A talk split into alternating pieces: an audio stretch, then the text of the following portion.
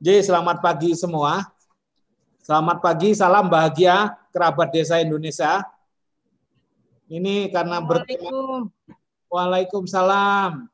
Ibu Erna, selamat pagi Bu. Selamat pagi. Jadi, selamat pagi Bu di acara kami di Pojok Desa dan TV Desa. Mas Ambong, selamat pagi. Mas Ambong. Nah, salam bahagia dari kerabat desa Indonesia, dari TV Desa. Salam juga, salam lima jari perhutanan sosial.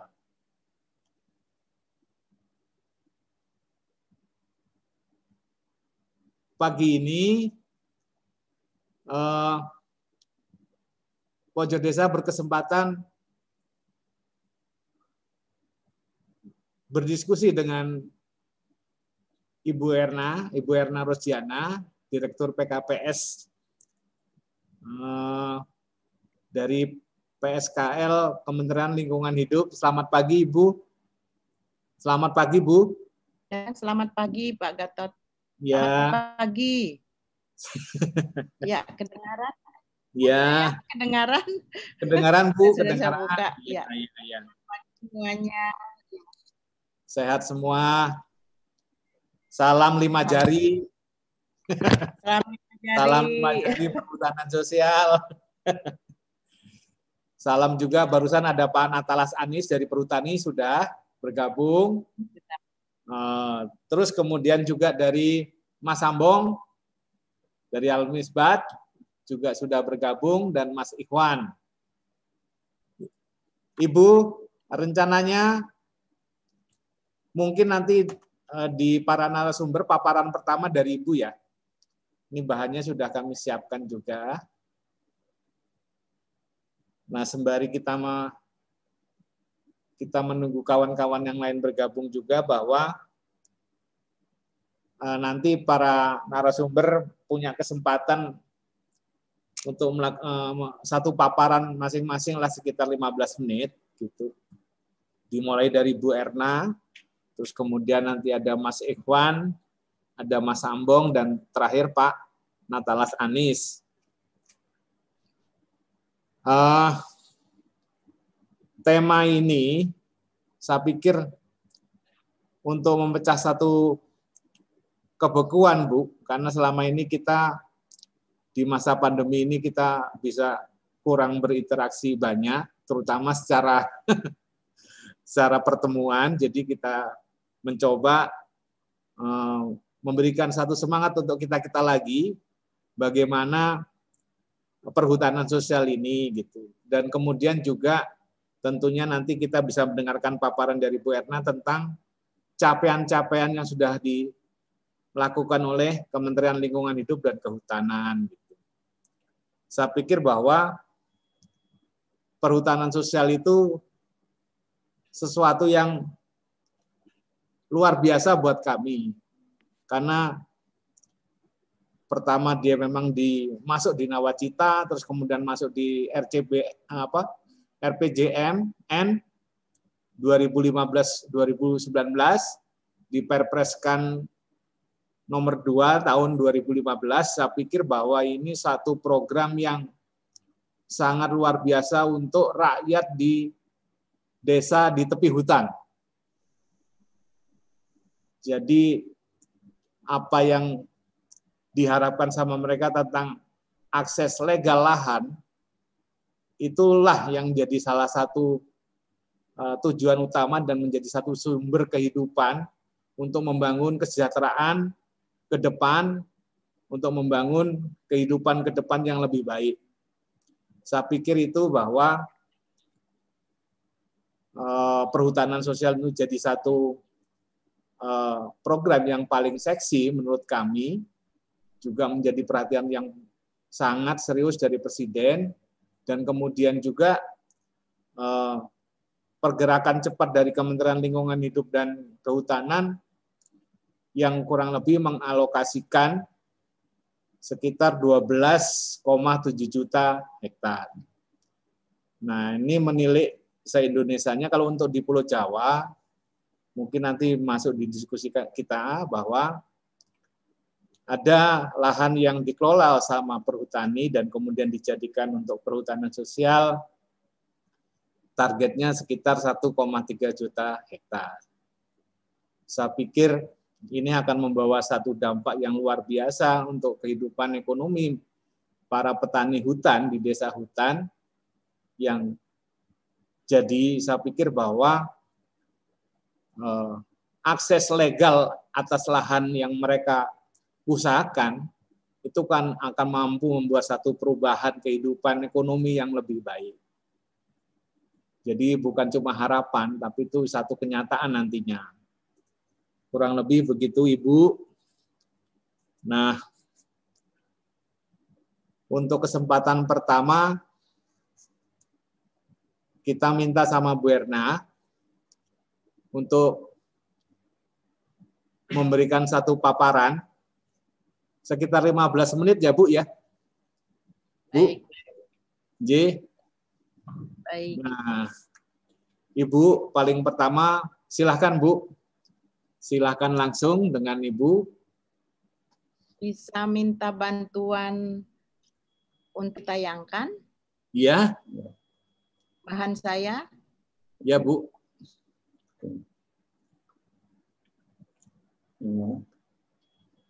Yang kebijakan. Iya. Kebijakan, kebijakan. Ke, kebijakan dan perkembangan. Ya.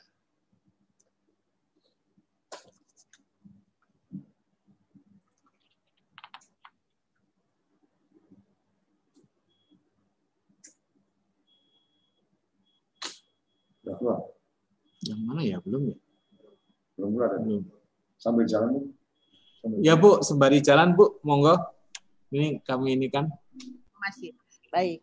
Uh, Bapak Ibu yang kami hormati, Assalamualaikum warahmatullahi wabarakatuh. Salam sejahtera untuk kita semua. Uh, terima kasih kepada Eh, penyelenggara dalam hal ini adalah pojok desa yang sudah memfasilitasi kami untuk menyampaikan beberapa hal terkait dengan kebijakan dan perkembangan perhutanan sosial khususnya di uh, area perhutani di Jawa.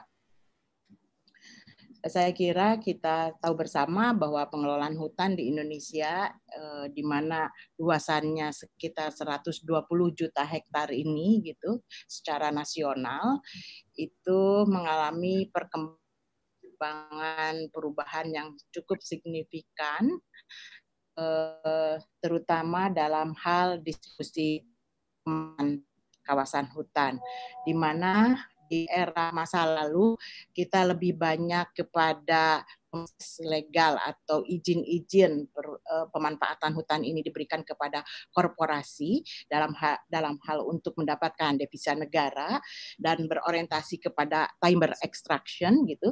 Nah, untuk saat ini kita sudah bergeser gitu kepada social forestry atau eh, pengelolaan hutan dengan eh, menempatkan masyarakat sekitar kawasan hutan sebagai pelaku utama. Jadi itulah uh, yang terjadi saat ini. Baik, bisa dilanjut karena waktu. Uh, sebagaimana arahan Bapak Pak Presiden uh, kita Bapak uh, Joko Widodo bahwa beliau mengatakan bahwa saat ini adalah saatnya kita harus mengurangi ketimpangan-ketimpangan sehingga beliau uh, menggulirkan kebijakan yang bernama ekonomi pemerataan yaitu ada tiga hal yaitu dalam kaitan dengan Eh, mengurangi ketimpangan distribusi lahan, mengurangi ketimpangan kesempatan usaha, dan mengurangi ketimpangan eh, kapasitas SDM. Dan salah satunya adalah perhutanan sosial merupakan bagian dari kebijakan eh, pemerataan ekonomi. Beliau selalu mengatakan dalam setiap kesempatan bahwa 12,7 juta hektar yang kita alokasikan kawasan untuk ada di kantong saya karena ini harus diberikan secara adil dan tepat sasaran, aman dan tepat sasaran. Jadi uh, beliau selalu mengatakan demikian, di mana sasaran yang paling tepat yang dimaksud adalah masyarakat miskin, masyarakat miskin, masyarakat yang berlahan sempit atau bahkan tidak memiliki lahan, dan mereka adalah yang tinggal di pinggir kawasan hutan atau mungkin di dalam kawasan hutan. Baik, lanjut. Nah, saya kira ini kita tahu bahwa memang eranya sekarang bukan hanya eh, kesamaan atau pemberian akses secara equality yaitu tetapi kita harus ada keadilan yaitu orang masyarakat masyarakat kecil bisa diberikan dukungan oleh pemerintah lebih besar sehingga kita semua bisa eh, menonton bola atau bisa mendapatkan eh, kemakmuran bersama. Lanjut saja. Nah, ini perhutanan sosial kalau tadi dikatakan salam lima jari, ini adalah terkait dengan lima skema perizinan perhutanan sosial. Yang pertama adalah disebut hutan desa, eh, hak pengelolaan hutan desa, kemudian hutan kemasyarakatan atau izin usaha pemanfaatan hutan kemasyarakatan, kemudian ada hutan tanaman rakyat, yaitu ini semacam HTI kecil, HTI mini gitu. Kemudian ada hutan adat yaitu diberikan kepada masyarakat hukum adat. Dan yang terakhir ada kemitraan. Kemitraan antara pengelola hutan atau pengelola atau pemegang izin IUPHHK HA eh, dan HTI dengan masyarakat sekitar kawasan hutan.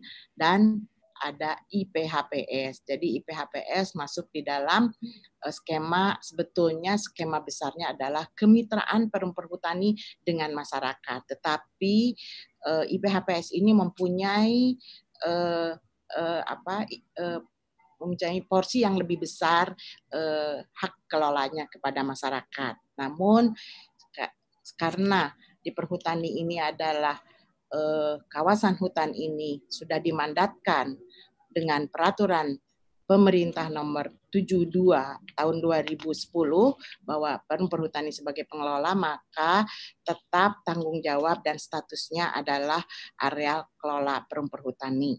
Gitu. Baik itu merupakan kemitraan maupun IPHPS. Lanjut, itulah salam lima jari. Lanjut.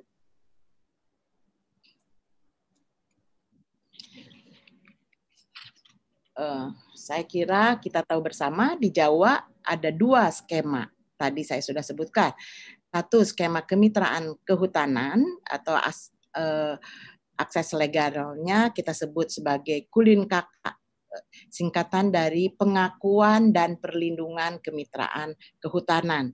Jadi kalau dulu barangkali Bapak Ibu tahu eh, ada PKS ya PKS antara masyarakat dengan perhutani dalam kegiatan PHBM.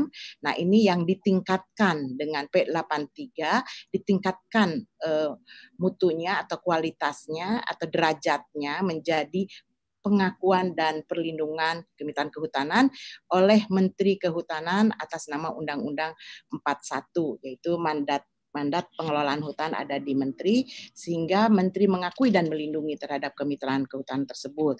Dengan demikian maka kerjasama PHBM ini akan menjadi lebih lebih uh, punya power ya sehingga sektor-sektor lain boleh memberikan uh, program-programnya kepada uh, kulin kakak ini gitu kepada PHBM. Kalau PHBM lama kan itu tidak bisa ya karena belum ada pengakuan perlindungan. Nah, untuk PHBM sekarang dengan kulin kakak uh, sektor-sektor terkait lain seperti pertanian mau memberikan bibit boleh.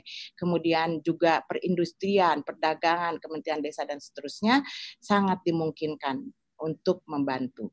Demikian juga untuk IPHPS. Nah, kalau IPHPS ini sangat spesial karena IPHPS ini dikerjakan di area-area yang di mana perum perhutani itu masih eh, um, apa masih mempunyai kesulitan dalam melakukan pengelolaannya di mana area-area tersebut biasanya adalah area-area yang memang uh, sudah diokupasi atau sudah ada masyarakat di sana secara, secara turun temurun atau juga memang area-area yang uh, konflik.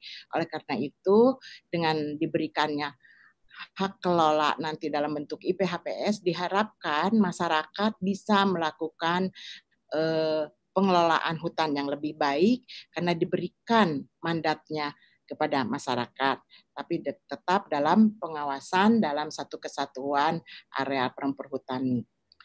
Baik, eh, saya kira tujuannya tidak lain adalah untuk eh, pemanfaatan hutan di mana masyarakat sejahtera dan hutan lestari.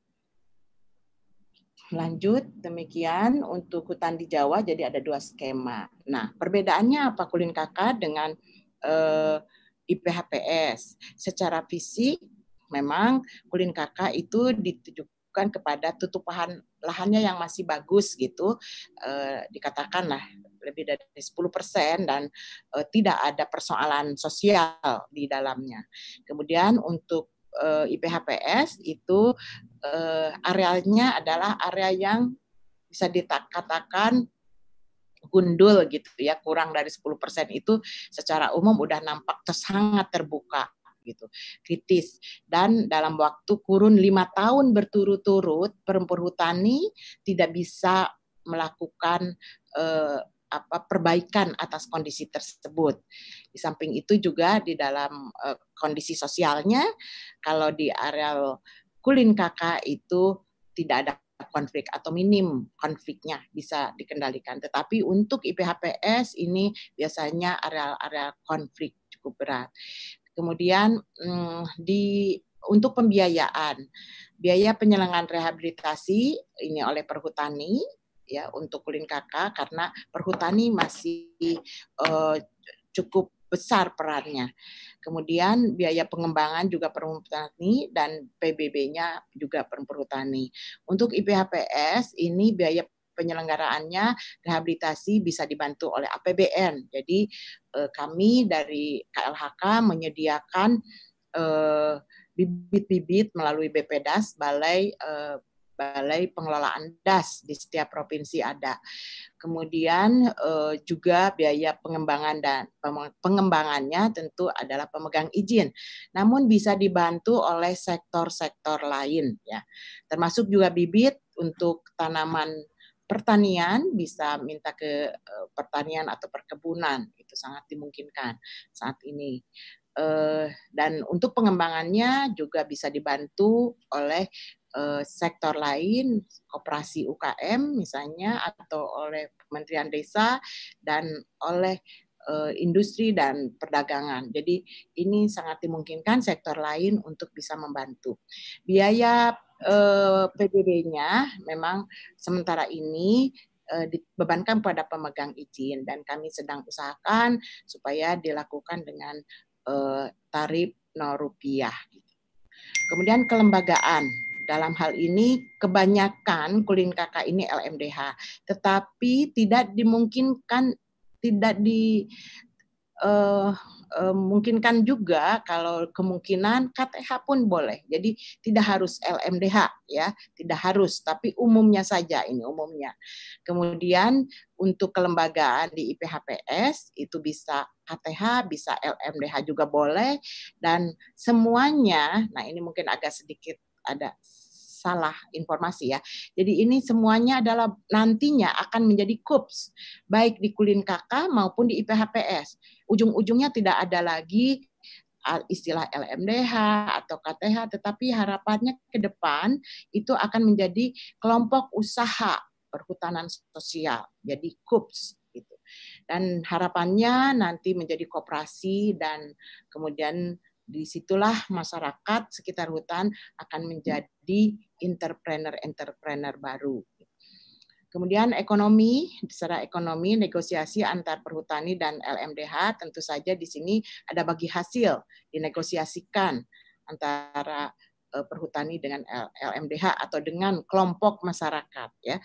Eh, untuk ekonomi di eh, IPHPS ini dikembangkan oleh pemegang izin. Jadi pemegang izin IPHPS ini punya keleluasaan yang lebih besar dibandingkan dengan kulin kakak.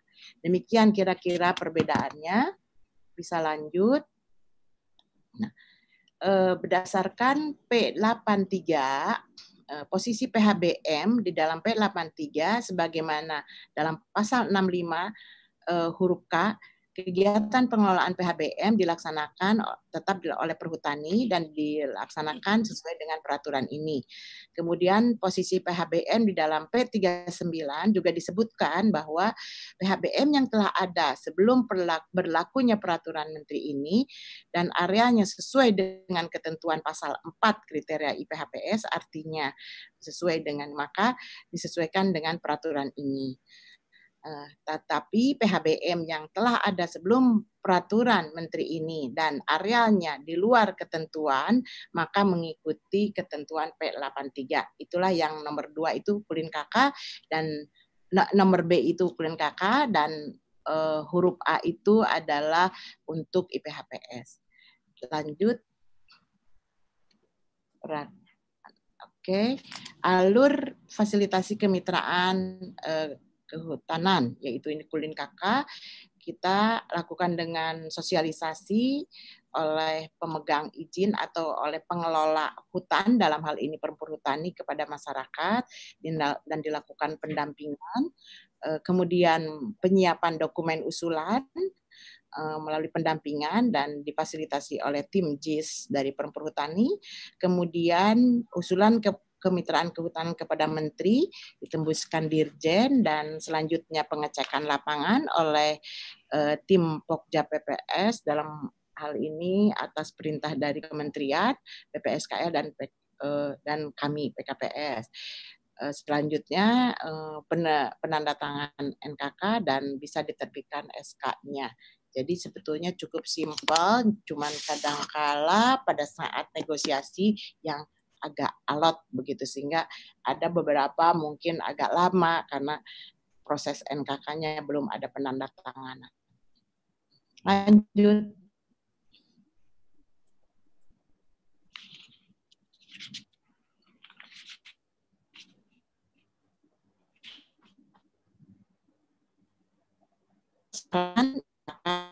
saya mungkin perlu saya bacakan tidak perlu saya bacakan, uh, bisa dipelajari saja. Pada intinya ada silakan melakukan permohonan uh, mitraan ini kepada pengelola, yaitu kepada perhutani, dan kemudian bersama-sama dengan pada menteri apabila menteri menyetujui atas klausul-klausul yang dalam NKK itu melalui proses pengecekan lapangan, maka saya kira tidak tidak cukup sulit untuk menerbitkan uh, eh, SK kulin kakaknya. Lanjut. Untuk IPHPS, untuk IPHPS saya kira ini prosesnya ada dua penunjukan KK, kemudian dilakukan eh, penetapan arealnya ya di penetapan arealnya oleh PKTL setelah dicek eh, tafsir tutupan lahannya kurang dari 10% secara berturut-turut lima tahun atau kondisi di lahan tersebut adalah kondisi yang konflik sudah lama gitu eh, ada persoalan-persoalan sosial dan seterusnya maka eh, PKTL menetapkan penetapan wilayahnya eh, dalam penetapan wilayah itulah komunikasi subjeknya yang ada di wilayah tersebut dan pada saat verifikasi. Nah, apabila itu sudah eh, selesai lakukan verifikasi maka izin bisa keluar. Apabila permohonan itu setelah dilakukan verifikasi administrasi dokumennya kurang lengkap maka itu akan kembali kepada pemohon untuk minta dilengkapi.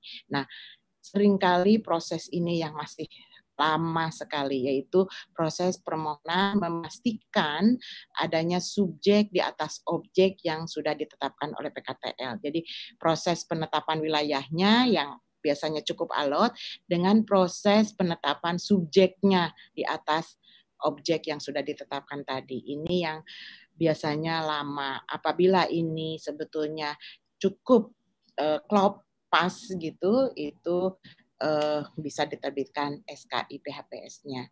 Nah, sedangkan untuk penunjukan tentu ini atas kebijakan menteri eh, hak prerogatifnya beliau bisa eh, langsung eh, dilakukan pendampingan pada lokasi-lokasi yang disasar, kemudian ketika verifikasi teknis sudah eh, sesuai dengan peraturan maka akan terbit SK. Demikian. Lanjut.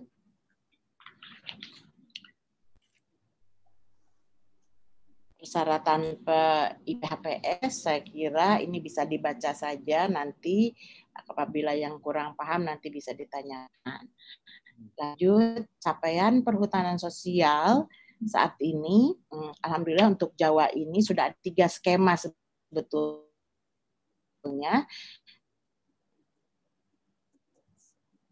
Jawa. Makin kakak, ada. Bisa lanjutnya? Ini bisa bisa di PHP bisa dibagi videogram yang di, di YouTube proses-prosesnya bisa dari yang kami itu baik hmm. udah Hah? Bagus dulu. Halo Bu. Halo Bu. Bu. Bu Werna. Audionya. Audionya ya Bu ya. Halo. Gimana ya? Bu, Bu Erna, bisa dengar saya? Bu? Eh,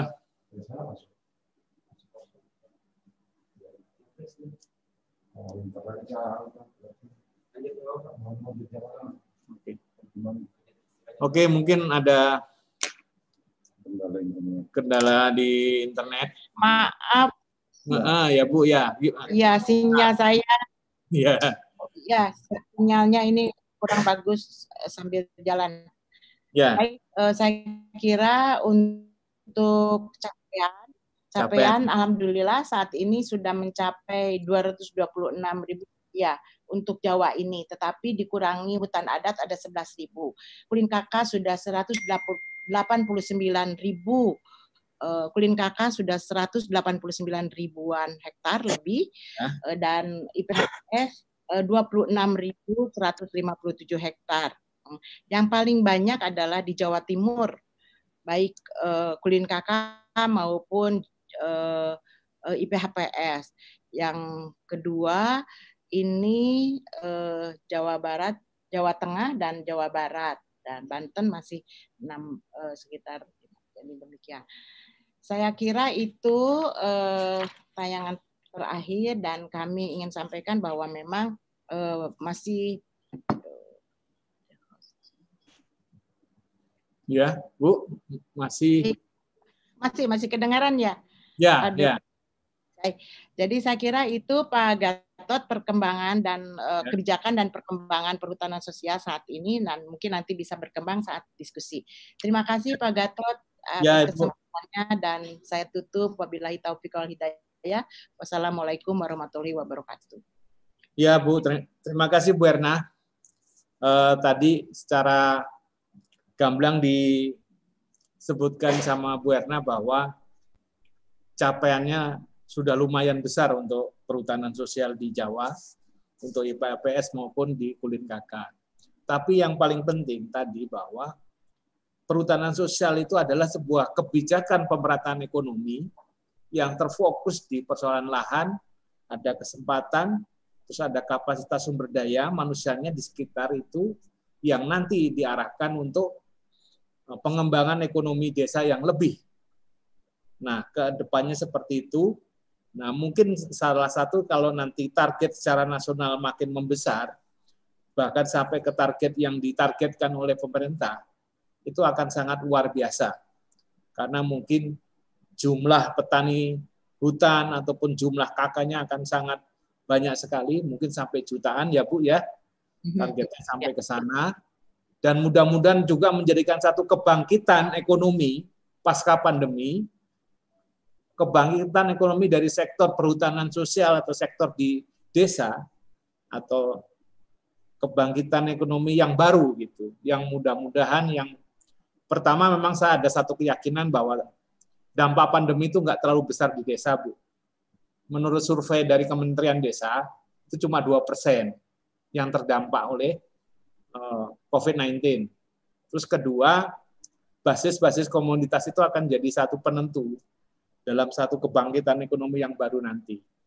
Artinya bahwa di sektor perhutanan ini barangkali akan jadi satu uh, hal yang penting, pemicu yang baik untuk uh, pengembangan ekonomi secara lokal di desa masing-masing menuju ke skala besar. Mungkin seperti itu Ibu. Jadi ini uh, ini secara uh, gamblang tadi sudah dijelaskan semuanya, nanti bisa didiskusi dengan teman-teman. Mungkin banyak masalah teknis juga di lapangan. Nah, nanti bisa diuraikan sama Ibu, bisa dijawab dan kemudian mungkin kita masuk ke langsung ke yang pengalaman di lapangan yang masuk ke tingkat tapak gitu. Ini ada Mas Ikhwan. Mas Ikhwan itu dari PPLH Mangkubumi. Dia seorang pendamping juga ke, eh, juga penggiat. Jadi eh, mungkin ada satu potret lain yang bisa ditampilkan sama Mas Ikhwan Muhammad Ikhwan ini. Mas Ikhwan sudah bisa bergabung belum nih? Halo. Mas. Assalamualaikum warahmatullahi wabarakatuh. Ya, ya, gimana kabarnya Tulungagung? Alhamdulillah sehat dan uh, COVID uh, sudah semakin menurun di Tulungagung, Mas Gatot. Ya, terima kasih. Ya, ada Bu Erna, ada Pak Anies, ada Pak Ambong. Nanti Selamat saling siang, uh, Pak Anies. Salam kenal Pak Anies, Bu Erna, Mas ya. Ambong, dan Bapak Ibu sekalian. Ya. Bu ini salah satu pendamping yang paling manja sama Bu Erna ini. Saya pernah menyaksikan. Jadi ketika memutuskan untuk pemberian SK di desa desa di Tulungagung, desa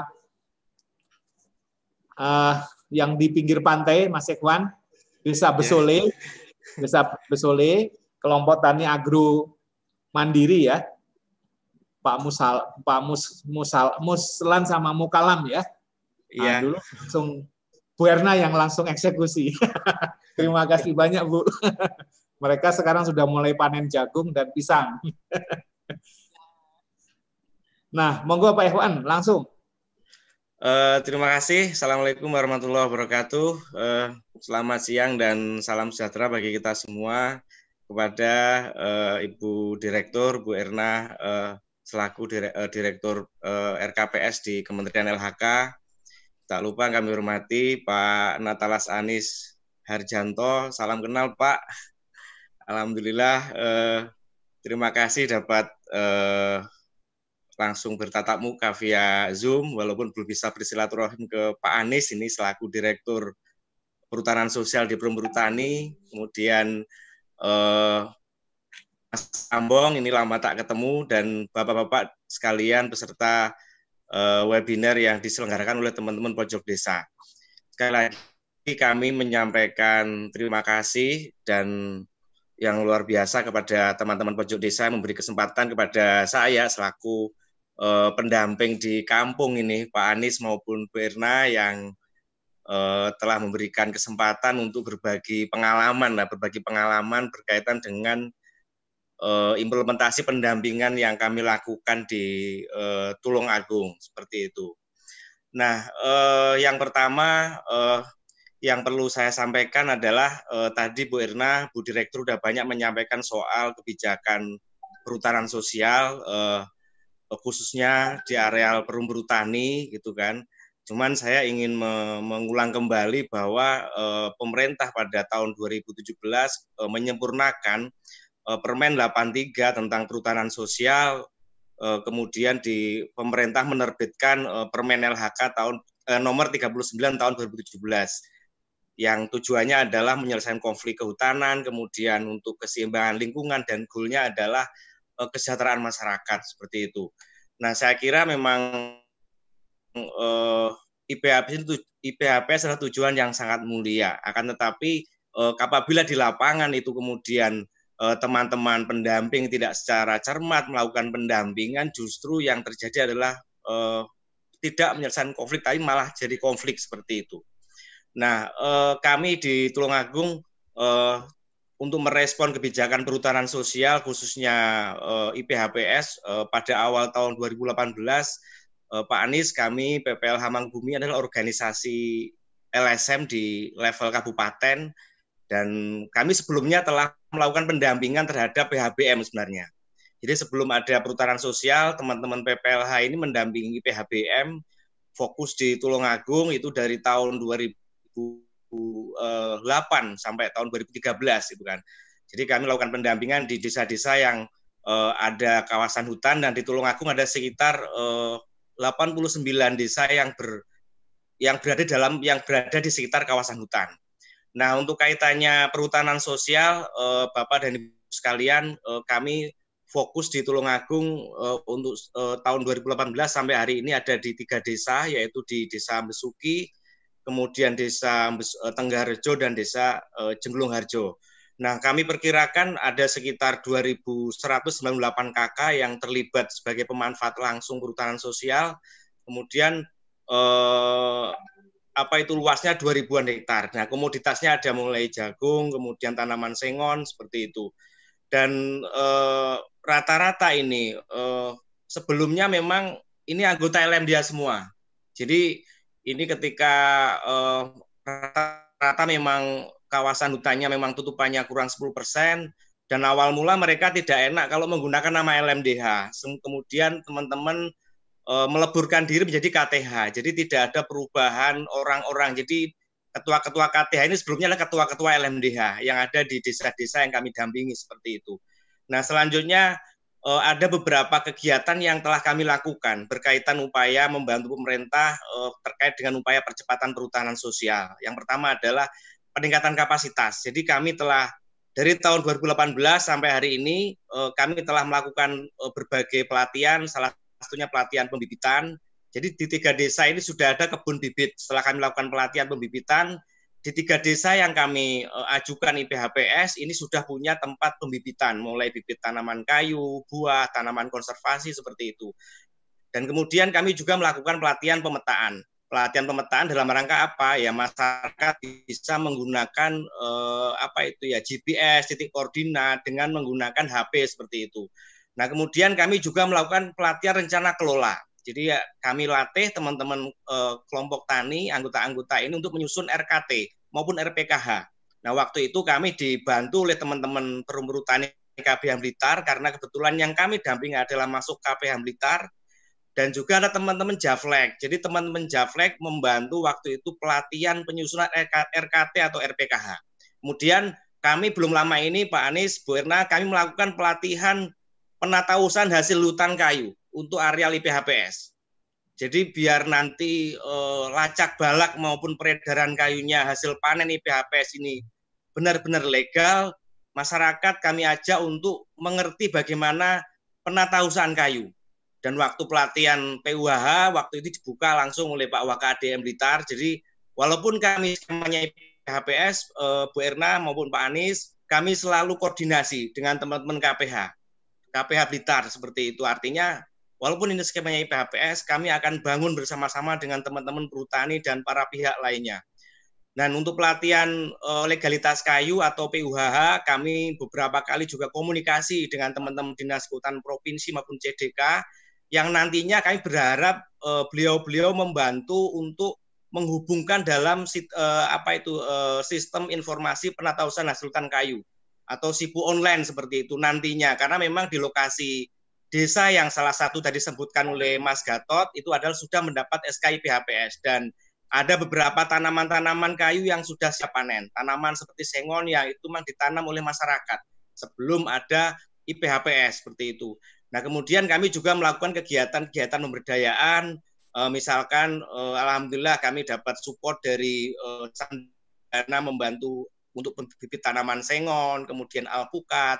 Kami dapat support dari Jasa Terta juga membantu tanaman-tanaman kayu-kayuan, buah-buahan, tanaman konservasi. Kemudian kami juga membantu untuk uh, dua desa yaitu untuk uh, hand traktor, masing-masing satu hand traktor dalam rangka untuk bagaimana pengelolaan bisa optimal di kawasan-kawasan yang dikelola perhutanan sosial.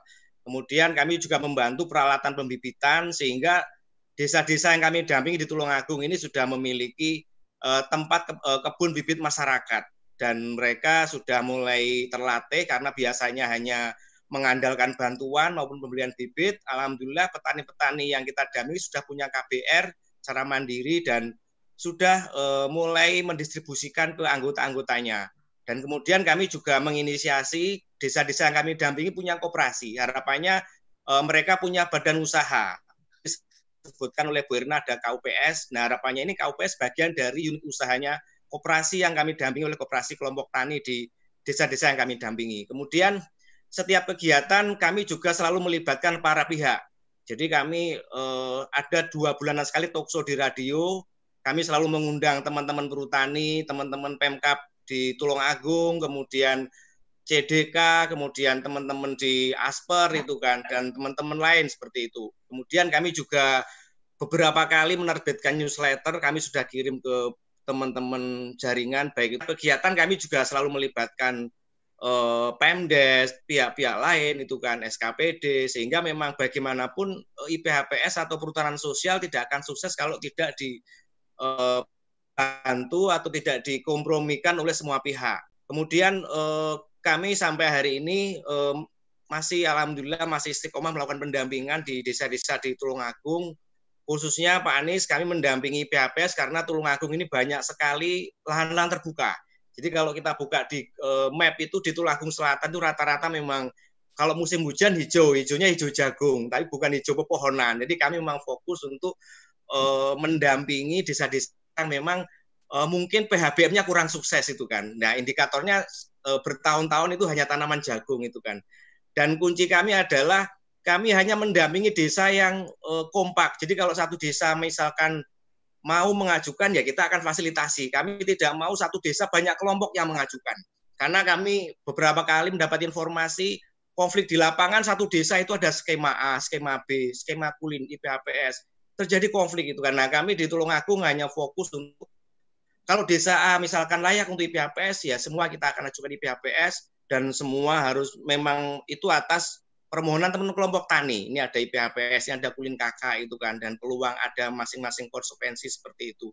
Dan alhamdulillah eh, dari tiga desa yang kami dampingi, eh, satu desa telah mendapatkan SA IPHPS seperti itu.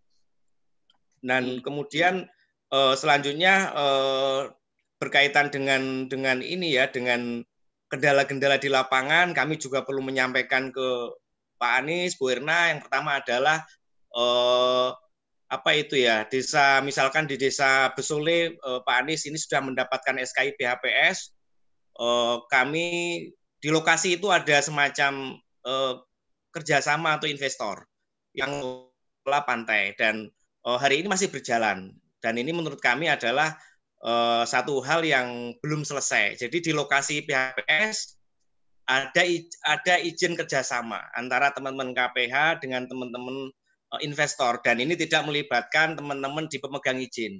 Nah, dan insya Allah berkali-kali kami sudah ngirim surat ke KLHK dan uh, perkiraan kami dalam dua minggu ke depan kami akan melakukan negosiasi dengan teman-teman perhutani KPH maupun dengan teman investor untuk membicarakan soal ini. Jadi adanya izin di atas uh, adanya uh, kegiatan dari pihak investor di kawasan uh, pantai wisata yang itu masuk area IPHPS berdasarkan SK dari Kementerian LHK untuk SKI PHPS. Dan yang kedua ini Pak Anies yang paling penting adalah Desa Tenggarjo Pak Anies. Jadi pemerintah KLH apa itu ya? Perhutani Pusat telah melakukan kerjasama dengan PTPN 10 untuk kaitannya ketahanan pangan untuk tebu. Nah ini salah satu desa yang terdampak di Tulangku adalah Desa Tenggarjo. Desa Tenggarjo ini telah dilakukan vertek subjek dan objek. Jadi vertek uh, Vertek objeknya itu telah muncul indikasinya ada 500-an sekian hektar, kemudian uh, Bu Erna waktu itu yang hadir Pak Sabda ke lapangan untuk uh, Vertek uh, subjek itu telah melakukan Vertek dan waktu mau closing uh, closing dan berita acara perhutani melakukan in, memberikan informasi bahwa beberapa lokasi-lokasi ada sekitar 440 hektar yang untuk tebu dan itu sampai hari ini tidak ada tebu karena masyarakat di sana tidak menolak dengan rencana tebu. Kemudian Desa Jenglung Harjo eh, kegiatan perhutanan sosial atau IPHPS ini ada tumpang tindih dengan proyek eh, RHL. Jadi RHL ini kemudian eh, bisa RHL ini kemudian usulan-usulan IPHPS ini kemudian gimana ya kemudian bisa memangkas kegiatan usulan IPHPS. Jadi kami nggak tahu nih pasal 4 di P39 di situ kan jelas tutupannya kurang 10 persen terbuka ada konflik, tapi kemudian di situ ada RHL. Nah, RHL ini yang kemudian mengurangi usulan luasan usulan IPAPS teman-teman. Nah, ini kami mau pertanyakan juga ke Bu Erna maupun ke Pak Anies. Dan kendala kami adalah ini soal eh, soal ini ya, salah satunya ada eh, komitmen pemerintah eh, daerah maupun provinsi maupun di pusat selama ini untuk pendampingan pendampingan ini masih sangat cukup kurang karena memang selama ini kami PPLH itu ya hanya mengandalkan mungkin support dari pihak non APBN untuk melakukan pendampingan. Harapan kami memang pemerintah eh, di, di pusat, di daerah maupun di provinsi ini lebih fokus mendampingi desa-desa mendapat SK maupun desa-desa yang sedang proses IPHP sehingga eh, perhutanan sosial atau IPHP sehingga bisa dipercepat seperti itu. Nah ini matriknya eh, matrik yang bisa saya sampaikan eh, posisinya adalah Desa Mesole ini adalah skema IPHPS eh, ada keluarga yang terlibat adalah 870 kepala keluarga, luasnya 845, dan ini sudah dapat SK. Dan ini permasalahannya kami hadapi tadi saya sampaikan pada tahun 2018 ada kerjasama antara eh, PKS, PKS-nya dua tahun di, di KPH itu antara eh, Perutani dengan PT Renggasari tahun 2018 dan tahun 2018 di bulan November teman-teman dapat SK. SK IPHPS dari Kementerian LHK seperti itu. Dan saat ini eh, lokasi masih dikuasai oleh perusahaan yang berbeda yaitu namanya PT Sri Rezeki. Dan alhamdulillah kemarin Pak Anies kami ketemu, bertemu dengan Pak Wakadem Blitar. Beliau mau mengajak uh, ketemu bareng-bareng antara kelompok tani pemegang izin, kemudian investor, kemudian uh, apa itu ya uh, pihak pendamping dari kami PPLH Mangkubumi. Yang kami harapkan adalah uh, KTH uh, dapat mengelola secara seluruh wilayah izin PHPS termasuk Pantai Curu dan tentunya kalau ada pihak investor ini menjadi mungkin off taker dalam untuk mengembangkan kegiatan perhutanan sosial atau IPHP seperti itu. Nah untuk desa Tenggarjo adalah uh, kepala keluarganya adalah 744 747 kepala keluarga, skemanya IPHPS, luasnya 868 ini berdasarkan peta indikatif dari uh, uh, plano Dirjen Planologi setelah melakukan uh, Vertek Tuplah. Nah persoalannya kami hadapi adalah uh, belum diterbitkannya SK ini sudah dilakukan uh, vertex subjek maupun subjek sejak tanggal 1 Februari 2019. Tapi tertahan SK gara-gara memang ada kerjasama dengan uh, perhutani dengan PTPN 10 dan harapan kami adalah masyarakat Desa Tenggarojo meminta SK kepada Ibu Menteri uh, seluas 568 hektar. Dan untuk teman-teman perhutani, Pak Anies, kami berharap ada review untuk lokasi-lokasi yang sedang ada kerjasama tebu untuk dievaluasi Pak Anies yang tidak terlaksana sampai hari ini. Jadi di Tulungagung ada 2.600 sekian hektar, itu sampai hari ini realisasi Pak Direktur. Pak Anies itu karena memang di Tulungagung konfliknya untuk tebu cukup tinggi, ketergantungan masyarakat terhadap kawasan hutan tanaman jagung, untuk rencana kegiatan penghijau cukup tinggi sehingga kegiatan tebu tidak terlaksana Pak Anies. Jadi kami berharap ada evaluasi dari teman-teman perhutani pusat kepada PTPN eh, lokasi-lokasi yang tidak terlaksana tanaman tebu sampai sampai hari ini karena rencana dari tahun 2017 sampai hari ini belum realisasi karena terjadinya konflik dengan petani-petani yang ada di desa-desa tersebut. Nah, untuk desa Jenglung Harjo ini juga skemanya IPHPS ini belum ada verifikasi uh, subjek uh, sejak kami ajukan di tanggal 11 Januari 2019 dan insya Allah ini dokumen sudah lengkap karena waktu itu diperiksa oleh Pak Sabda, stafnya uh, Ibu Erna dan tinggal menunggu verifikasi. Verifikasi dan verifikasi objek sudah dilakukan itu di dua yang lalu oleh teman-teman planologi. dan uh, hasilnya yaitu hasilnya yaitu uh, Pak Anies Bu Direktur dari 805 hektar itu yang layak hanya 63 hektar untuk IPHPS. Karena apa? E, dari 800 sekian itu yang tutupan terbuka itu 500 sekian hektar. Dari 500 sekian hektar itu yang tiga, hampir 400 hektar itu adalah untuk RHL. RHL ini sebenarnya hanya lahan terbuka, tapi untuk RHL, nah apakah RHL ini bagaimana ini RHL kemudian bisa e, memangkas usulan-usulan IPHPS. Padahal di situ RHL itu waktu itu direncanakan di awal tahun 2019, kemudian realisasinya baru akhir e, tahun 2019 sekitar November atau Desember melakukan kegiatan RHL di lapangan seperti itu. Nah ini kemudian e, peta yang perlu kami sampaikan ke Pak Anies dan Bapak-Bapak sekalian uh, ini peta yang uh, overlap lokasi PHPS ini lokasi yang warna orange sama hijau ini ada lokasi PHPS. Ini ada overlap peta dari tim JIS kami uh, dari menerjemahkan dari apa itu ya petanya Kementerian LHK SK itu dia ada sekitar uh, lima sekitar 30 hektar yang di saat ini dikuasai oleh namanya PT Sri Rezeki. Itu lokasinya di Pantai Coro dan ada sekitar Pantai Coro dan lokasi sekitarnya adalah semua pemegang izin IPHPS. Jadi ini pemegang dan sampai uh, dua tahun lebih menguasai sini belum melibatkan teman-teman pemegang izin seperti itu. Dan uh, ini uh, yang kami sampaikan soal tebu uh, Pak Anies dan Bu Erna, ini lokasi uh, tebu itu uh, overlap dengan usulan IPHPS itu overlap dengan rencana penanaman tebu antara Perhutani dengan PTPN 10 ini yang warna uh, warna orange, uh, warna oranye agak gelap ini adalah areal yang untuk PTPN, sedang areal yang kuning ini adalah di luar perjanjian PTPN. Jadi hanya hanya layak untuk PHPS 128 dari usulan teman-teman yang layak 564 ini layak secara peta indikatif dari planologi itu layak untuk di IPHPS kan. Tapi ternyata dari 564 hektar yang layak untuk IPHPS ini ternyata cuma eh, 128 hektar karena selebihnya untuk rencana kegiatan tebu. Jadi kami berharap untuk tebu Desa Tenggarejo bisa dialihkan Pak Anies ke lokasi yang lain yang lebih produktif dan lebih eh, bisa aman secara sosial karena konflik cukup tinggi di masyarakat.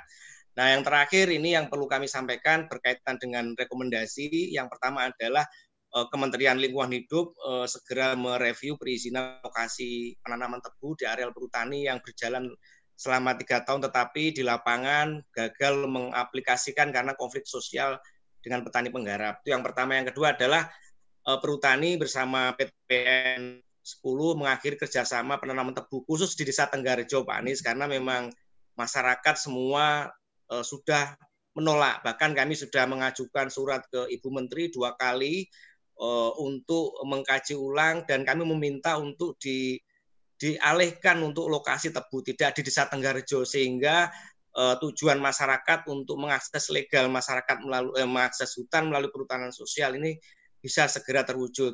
Nah, kemudian yang ketiga adalah Kementerian LHK segera menerbitkan SK IPAPS uh, kepada KTH Wonodari Lestari yang seluas 568 hektar ini eh, tidak lanjut dari tuplah dari planologi yang layak untuk IPAPS dengan hasil verifikasi dan eh, vertek objek tanggal 1 Februari. Jadi vertek objek 1 Februari oleh eh, planologi maupun sebelumnya oleh oleh eh, oleh RKPS di di Desa Tenggarejo. Kemudian Kementerian LHK segera memfasilitasi pertemuan antara perhutani, KTH, Musoli yang dapat SK dan Sri Rezeki yang membicarakan berkaitan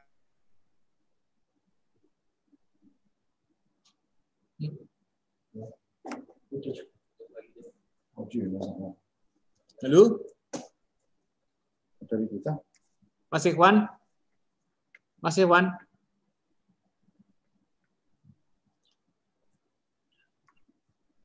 Mas Ikhwan? Enggak ada audionya. Audionya nih atau sinyal ya? Keluar. Eh? Hmm, masih apa? Mas Ikhwan? Apa dari mana ya? Eh, ya. Kita terus aja Pak sambil nunggu. Ya, ya. Terima kasih Bu. Jadi mungkin kurang lebih tadi yang sudah disampaikan sama Mas, Mas Ekwan eh, bisa dipahami sekali ya Pak Anies dan Bu Erna gitu. Jadi agak komplit lah.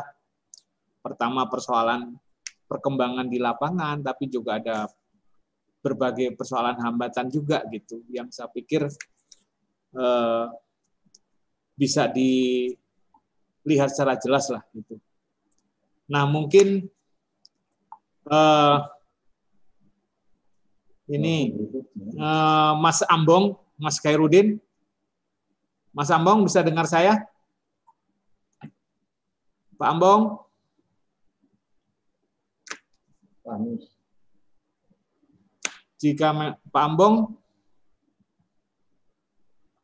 Ah, baiklah kalau begitu kita langsung mungkin ke Pak Anies ya, Pak Anies ya. Ini waktu juga sudah makin Halo, halo. Ya, gimana Pak Ambong kabarnya? Baik, baik Mas Gatot. Nah, ini sebelum sebelum ke Pak Anies, uh, coba Pak Ambong bisa paparkan persoalan-persoalan di Jawa Barat seperti apa, pendampingan, juga mungkin ada catatan-catatan sedikit di lapangan. Mungkin langsung ya. begitu ya, Pak Ambong ya. Ya, ya, terima kasih. Ya, terima kasih Mas Gatot uh, dan teman-teman pojok desa yang sudah memfasilitasi diskusi webinar ini pada hari ini ya terkait dengan menyoal tantangan program perhutanan sosial di area kerja Perum Perhutani dan saya ucapkan juga terima uh, selamat siang Bu Erna, Pak Anies, ketemu lagi terus Mas Iswan dari PPH. Ya terkait dengan tema diskusi yang disampaikan oleh Mas yang yang dikirimkan ke saya oleh Mas Gatot terkait menyoal tantangan program perhutanan sosial khususnya di wilayah kerja Perum Perhutani. Uh, memang ada beberapa catatan yang yang bisa kami kami sampaikan. Tapi mohon maaf saya tidak sempat untuk membuat presentasi tapi saya bisa sampaikan secara langsung ya apa yang sudah dikerjakan oleh teman-teman Almisbat uh, terkait program prioritas perhutanan sosial ini. Jadi uh, sedikit uh, uh, kenalan bahwa uh, Almisbat adalah salah satu organisasi masyarakat sipil yang memang memposisikan diri sebagai mitra dari pemerintah, uh, di mana untuk saat ini Al-Misbat fokus pada program-program unggulan dari pemerintahan Jokowi sejak 2014 sampai 2000 sejak 2014 dilanjutkan dengan uh, di periode yang kedua ini, terutama di program perhutanan sosial, karena uh, kami melihat bahwa program ini sangat sangat mulia, sangat bagus sekali, dan itu perlu dikawal sedemikian rupa gitu ya, karena memang uh, ini uh, tujuannya adalah untuk meningkatkan kesejahteraan masyarakat terkait dengan yang tadi disampaikan oleh Bu Erna mengenai pilar pemerataan ekonomi yaitu salah satunya memang kita melihat bahwa masih ada, selama ini masih ada ketimpangan terkait dengan penguasaan lahan. Nah, eh, apa yang sudah disampaikan yang sudah dikerjakan oleh Almisbat eh, terkait dengan perhutanan sosial. Jadi eh, pendampingan perhutanan sosial yang dilakukan oleh teman-teman Almisbat itu kita menggunakan uh, para pendamping dari Almisbat yang ada di berbagai daerah, terutama di kabupaten. Yang sudah kita lakukan itu adalah pendampingan perhutanan sosial untuk di wilayah Jawa Timur.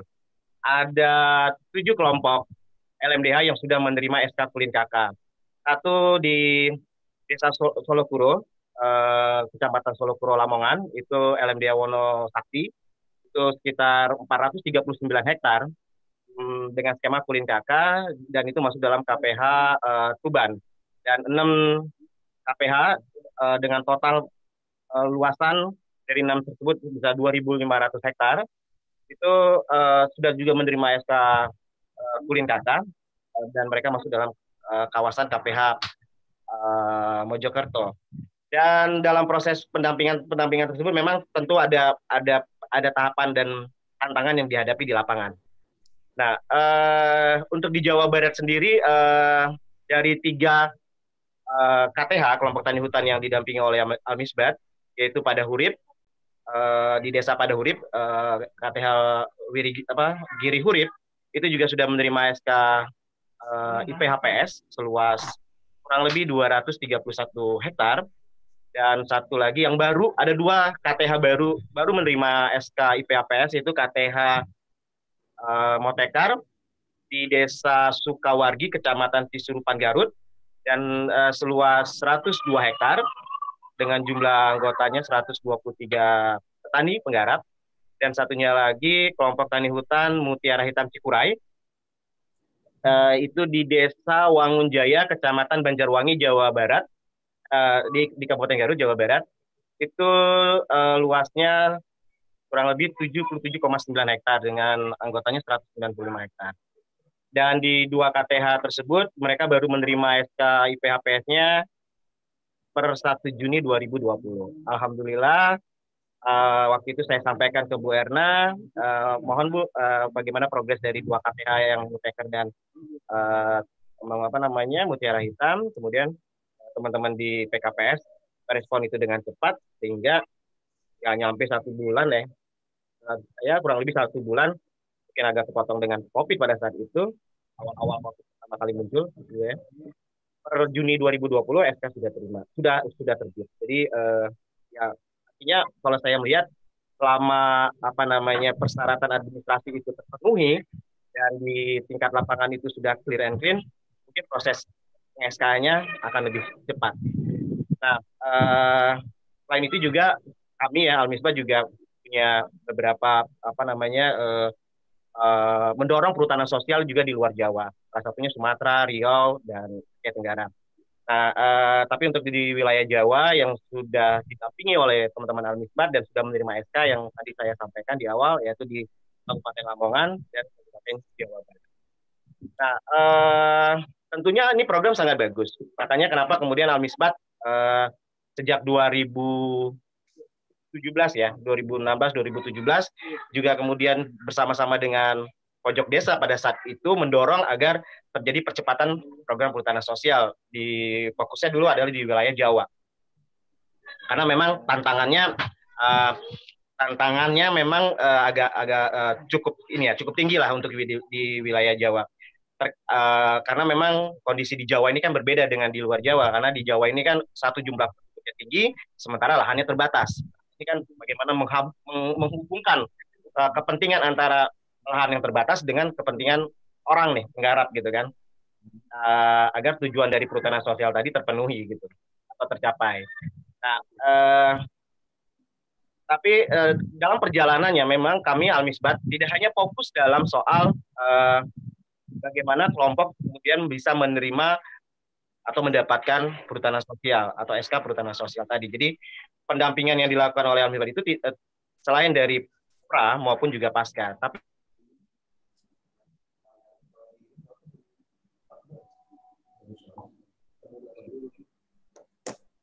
ya. Nah, ya Pak Ambong. Ya. Nah, halo. Ya, ya terus, terus, terus.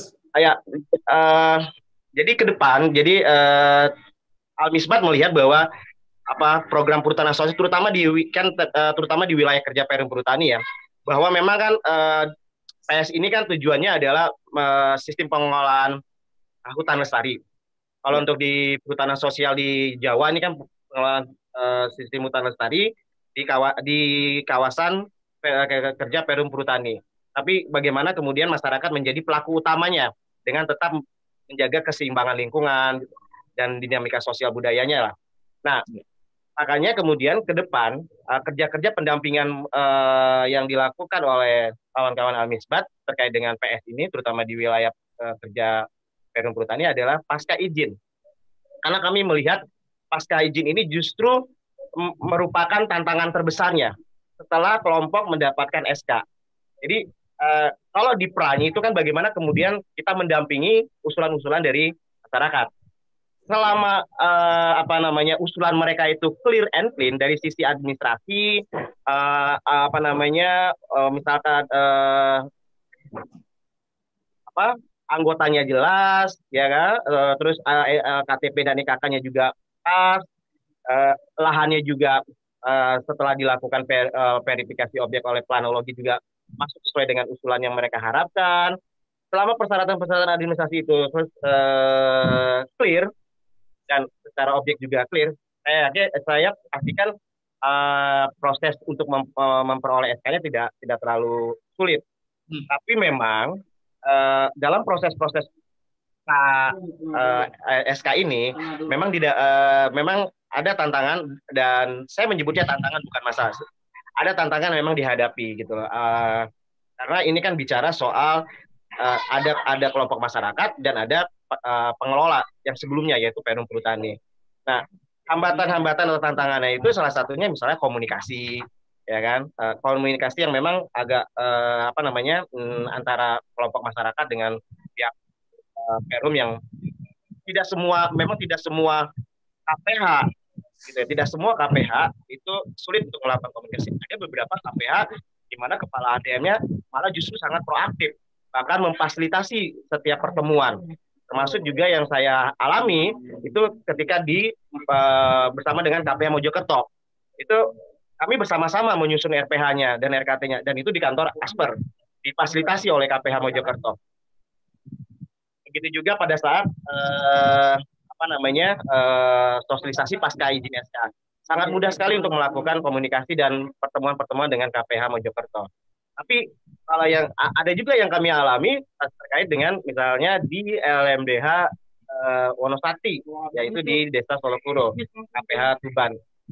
Komunikasinya mungkin masih agak agak sulit lah tidak selancar dengan KPH nah jadi memang uh, uh, karakteristik KPH-nya juga berbeda-beda gitu loh kalau kalau kalau seandainya uh, mungkin ke depannya menurut saya karena di sini juga ada Pak Anies jadi bisa didorong uh, para KPH uh, eh, kepala-kepala ADM-nya untuk untuk merespon dengan cepat komunikasi-komunikasi yang dilakukan oleh pendamping tentunya gitu ya. Karena kalau kelompok sendiri yang melakukan komunikasi biasanya itu belum apa-apa udah langsung tegang aja gitu loh, udah belum apa-apa udah uh, apa namanya uh, saling defense gitu, saling bertahan dengan uh, argumentasinya masing-masing.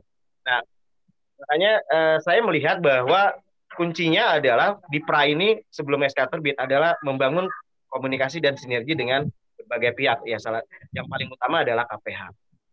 Nah, apalagi kalau seandainya uh, program perhutanan sosial ini itu didukung penuh oleh pemerintah daerah seperti yang kita lakukan di Lampung yaitu di kabupaten ini di luar di luar Jawa ya di Kabupaten Pesawaran Pemda sangat support sekali. Mereka memfasilitasi pertemuan, memfasilitasi masyarakat untuk melakukan pemetaan dan segala macam. Bahkan dibiayai untuk melakukan untuk pembuatan peta.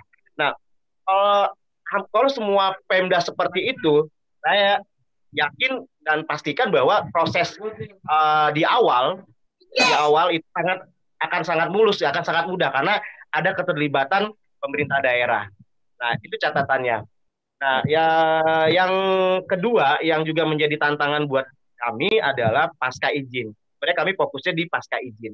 Karena di pasca izin inilah yang menjadi yang menjadi eh, apa namanya tolak ukur apakah pemerataan ekonomi tadi itu bisa atau kesejahteraan ekonomi itu bisa terpenuhi.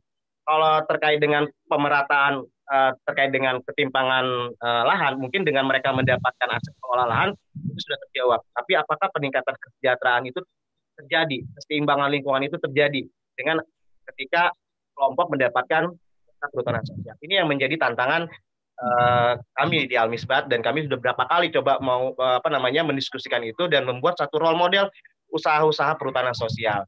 Karena memang tidak mudah uh, uh, kami sendiri mengalami tidak mudah kemudian untuk mengajak mitra baik itu swasta ataupun badan usaha milik negara untuk mau bekerja sama dengan kelompok-kelompok uh, perhutanan sosial yang sudah menerima SK.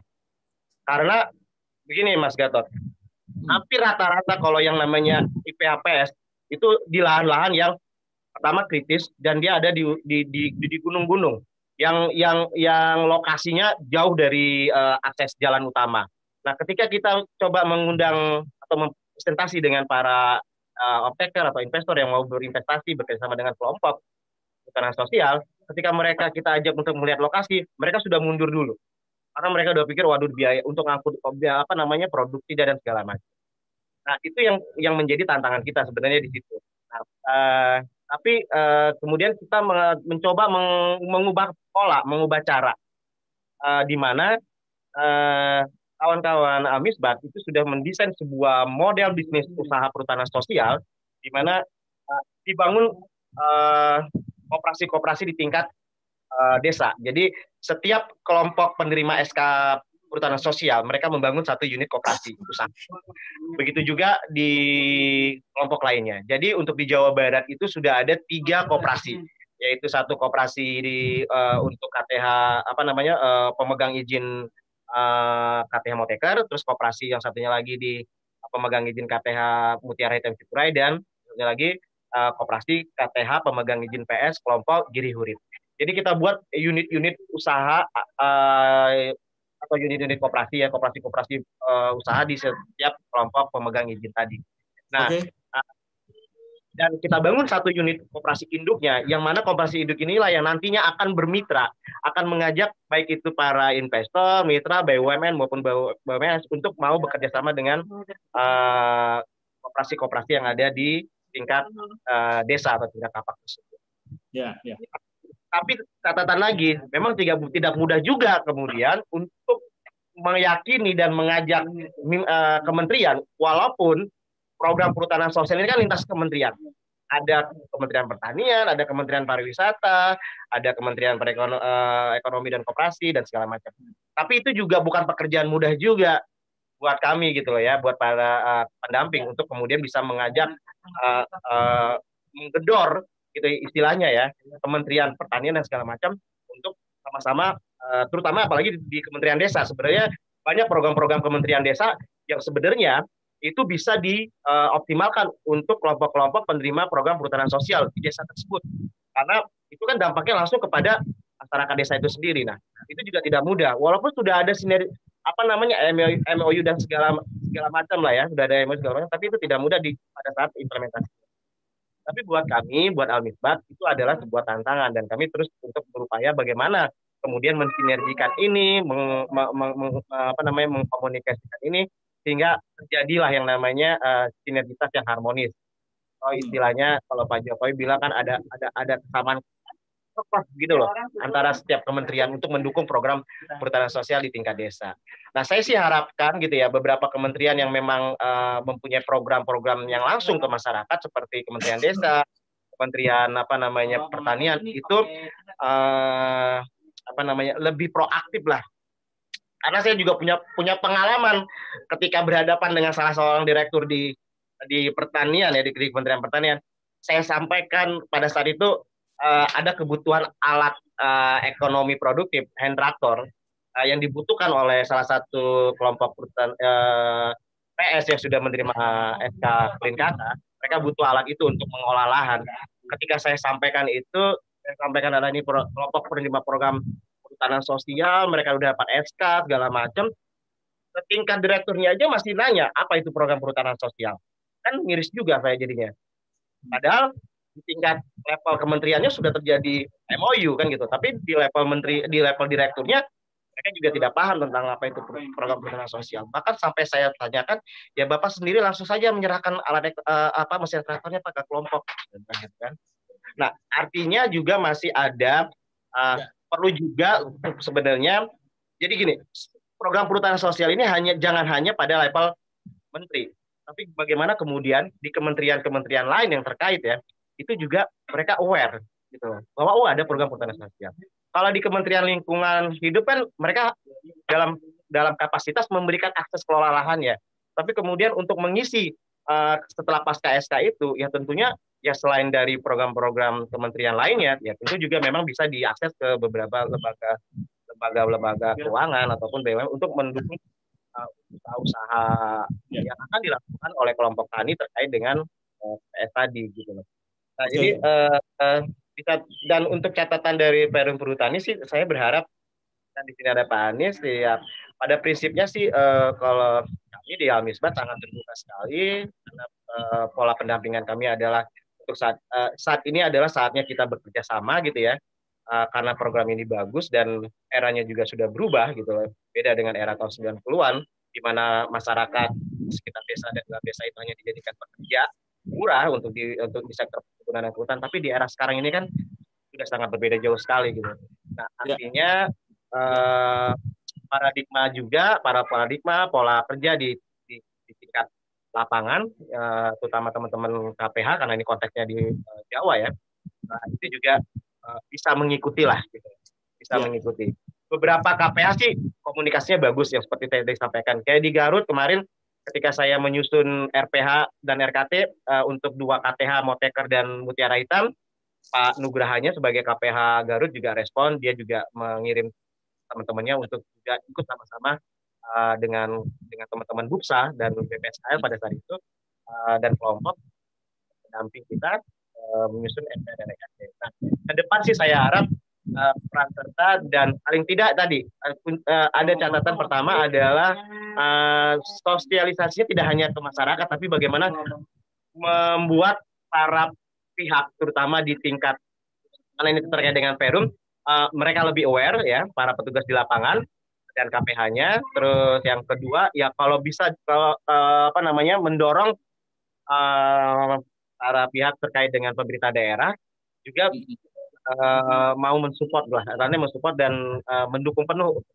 Ya, ya, ya. di lapangan. Mungkin itu saja Pak Gatot. Oke, oke Pak. Angkong. Oke, oke. Ini menarik sekali nih. Ini menarik sekali untuk Pak Anies juga di perhutani gitu. Nah, jadi ada beberapa catatan, persoalan-persoalan antara yang sifatnya koordinasi, ya. koordinasi di tingkat tapak dan yang lain-lain di daerah gitu.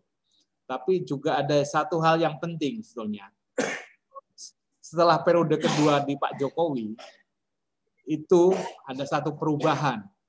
Artinya di Kementerian BUMN via Perhutani sekarang merespon dengan satu direktur tentang perhutanan sosial. Jadi saya pikir ini satu respon yang baik barangkali dari Perhutani terhadap program perhutanan sosial yang sudah berjalan. Nah, untuk kita melihat lebih dalam sinergi yang akan dibangun ke depan seperti harapan banyak pihak, banyak orang, banyak teman-teman penggiat di lapangan, ada satu sinergi yang eh, berjalan menjadi satu. Saya pikir ini bisa kita coba kita dengarkan paparan dari Pak Anies, Direktur Perhutanan Sosial dari Perum Perhutani gitu. Dan mungkin juga buat teman-teman Bapak Ibu semua yang masih bergabung, Anda bisa ngikutin juga siaran langsung di TV Desa. Kita ada satelit merah putih, Telkom 4, dan satelit Nusantara 1. Dan juga ada aplikasi Kugo yang bisa untuk nonton TV Desa. Barangkali di luar dari ini, siaran langsung di satelit, di dua satelit bisa dilihat banyak kawan-kawan di Nusantara ini. Pak Anies, lanjut Pak Anies. Silakan Bapak. Kita menunggu sekali nih urean dari Perhutani, terutama dari Direksi Perhutanan Sosial. Monggo, Pak. Ya, ya, siap perintah Pak Gatot. Baik, ya. Assalamualaikum warahmatullahi wabarakatuh. Waalaikumsalam warahmatullahi wabarakatuh. Selamat pagi, menjelang siang, dan salam sejahtera untuk kita semua. Yang saya hormati Ibu Erna Rosida, Direktur PKPS LHK. Yang saya hormati juga Pak Muhammad Ikhwan. Wah, terima kasih ini Pak Gatot sudah mempertemukan saya dengan Pak Ikhwan ya, Direktur PPLH Mangkubumi.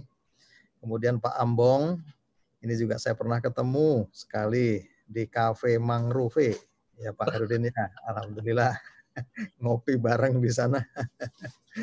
Terima kasih ini Pak Gatot juga sudah ditemukan dengan Pak Ambong. Artinya in kenal saya. Eh, juga Pak Gatot tentunya yang eh, menjadi apa namanya host pada acara siang hari ini juga terima kasih dari Forum Pojok Desa. Eh, jujur saya sebetulnya ini waktu Pak Gatot menghubungi saya ini saya keder Pak. Keder apa keder ya? Intinya wah ini yang apa eh, kolega saya ini Bu Erna, ada Bu Erna di sini, ada Mas Ikhwan, ada Pak Ambung, ini kan orang-orang top semua nih. Artinya untuk PS sudah ya old crack lah, beliau sudah sangat paham sehingga eh, apa saya mungkin nanti akan lebih banyak eh, apa menerima masukan-masukan dan informasi dari uh, Bapak Ibu sekalian. Uh, baik, uh, sebelumnya saya ingin sampaikan kepada uh, Bapak Ibu dan uh, peserta Vicon juga ini yang saya hormati bahwa uh, kami menjabat di eh, Perum Perhutani sebagai Direktur Perhutanan Sosial ini mulai tanggal 26 Februari 2020. Jadi kalau dihitung mulai dari sekarang ini ya kira-kira baru seumur jagung lebih lah, lebih sedikit, lebih berapa bulan begitu. Jadi eh, belum eh, setengah tahun belum ya.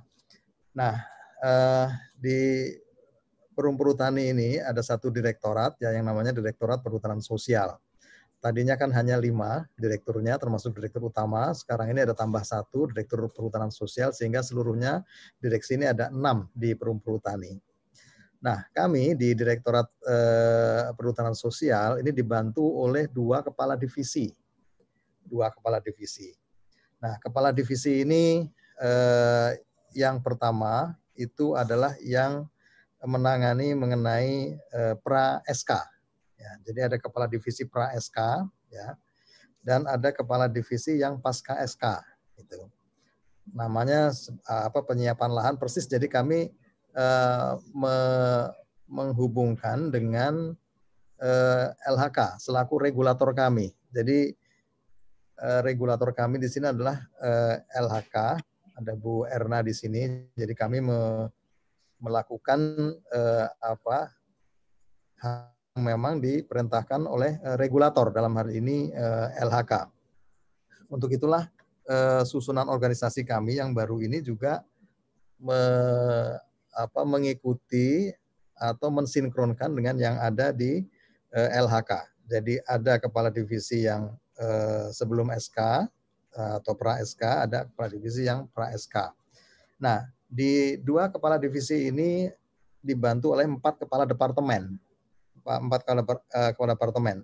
Ada penyiapan lahan, ada konflik, ada penguatan kelembagaan, sama ada pengembangan usaha. Nah, jadi eh, kami berharap bahwa kami bisa membantu regulator dalam hal ini eh, Kementerian Kehutanan untuk bisa mempercepat atau speed up eh, implementasi perhutanan sosial. Seperti apa yang sudah disampaikan tadi bahwa kita punya target. Nah, target-target itulah yang menjadi KPI eh, KPI kami. Kami juga selalu eh, apa namanya berkoordinasi dengan eh, LHK terkait dengan program eh, apa perhutanan sosial. Hmm. Pak Gatot, uh, anu saya ada ya, apa ya, namanya? Uh, ada Pak. Pak ya, oh ya, ya nanti nggak apa-apa. Oke. Okay. Ya, ya. Uh, Sembari jalan aja. Oh ya, berjalan Pak ya. Baik. Jadi intinya itu bahwa uh, alhamdulillah bahwa uh, apa namanya perhutanan ini sudah ada uh, direktorat uh, perhutanan sosial itu.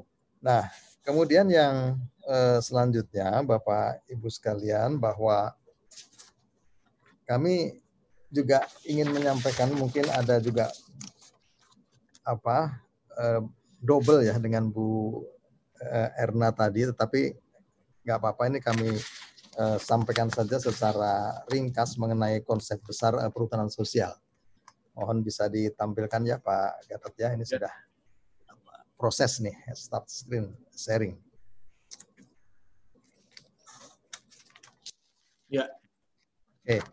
Nah ini kami coba ini kami coba untuk membuat uh, tadi malam jadi uh, sesuai dengan uh, judul yang diberikan ke saya oleh Pak Gatot yaitu tantangan implementasi perhutanan sosial di wilayah kerja perum perhutani.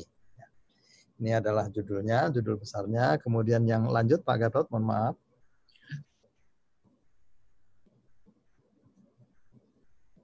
Lanjut setelah ini, ya, oke. Okay. Ini konsep besar perhutanan sosial. Ini hampir sama seperti apa yang disampaikan oleh uh, Ibu Erna tadi, bahwa intinya ada skema lima skema perhutanan uh, sosial, yaitu ada hutan desa, hutan kemasyarakatan, hutan tanaman rakyat, kemitraan, hutan adat. Nah, yang di perum perhutani ini selama ini adalah yang di ke, kemitraan ini, kemitraan. Jadi di apa namanya di kolom ini kemitraan ini di mana dalam kolom ke apa namanya masyarakat diberikan legalitas akses untuk mengelola hutan secara eh, legal ya untuk kemudian nantinya kita lakukan eh, pendampingan sampai dengan akhirnya menuju kepada eh, hutan lestari dan masyarakat sejahtera. Tadi sempat disampaikan oleh eh, narasumber sebelumnya saya sempat dengar ada hutan lestari dan masyarakat eh, sejahtera. Bu Erna ingat saya tadi yang menyampaikan seperti itu.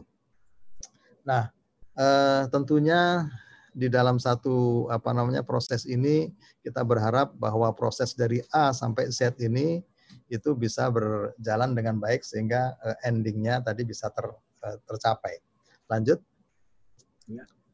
Ya. Nah ini uh,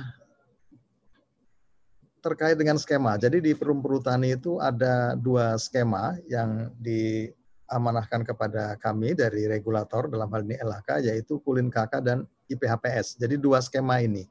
Dan yang sekarang berjalan di Perum Petani eh, dua skema ini yaitu Kulin KK dan eh, IPHPS. Di mana IPHPS ini eh, terbitnya setelah Kulin KK. Jadi Kulin KK dahulu baru IPHPS karena dianggap bahwa permen atau P83 ini belum apa mengakomodir atau masyarakat belum sebagai pelaku utama sehingga diterbitkanlah dengan P39. Nah, syarat di bawah baik itu yang eh, P83 maupun P39. Nah, di bawah ini kami juga sudah sampaikan walaupun dalam uh, tulisan merah, Pak, di sini dalam proses penetapan sehingga kami mencoba untuk membuat uh, pedoman perhutanan sosial di wilayah kerja perum berdasarkan P83 dan P39 supaya nanti di lapangan punya acuan di dalam melakukan implementasi perhutanan sosial. Dasarnya adalah P83 dan P39. Ini masih dalam proses Bapak karena eh, Bapak Ibu sekalian ya karena masih di eh, apa dikaji kemudian diperiksa dan dicermati oleh eh, beberapa pihak termasuk eh, dari eh, dewan pengawas. Lanjut.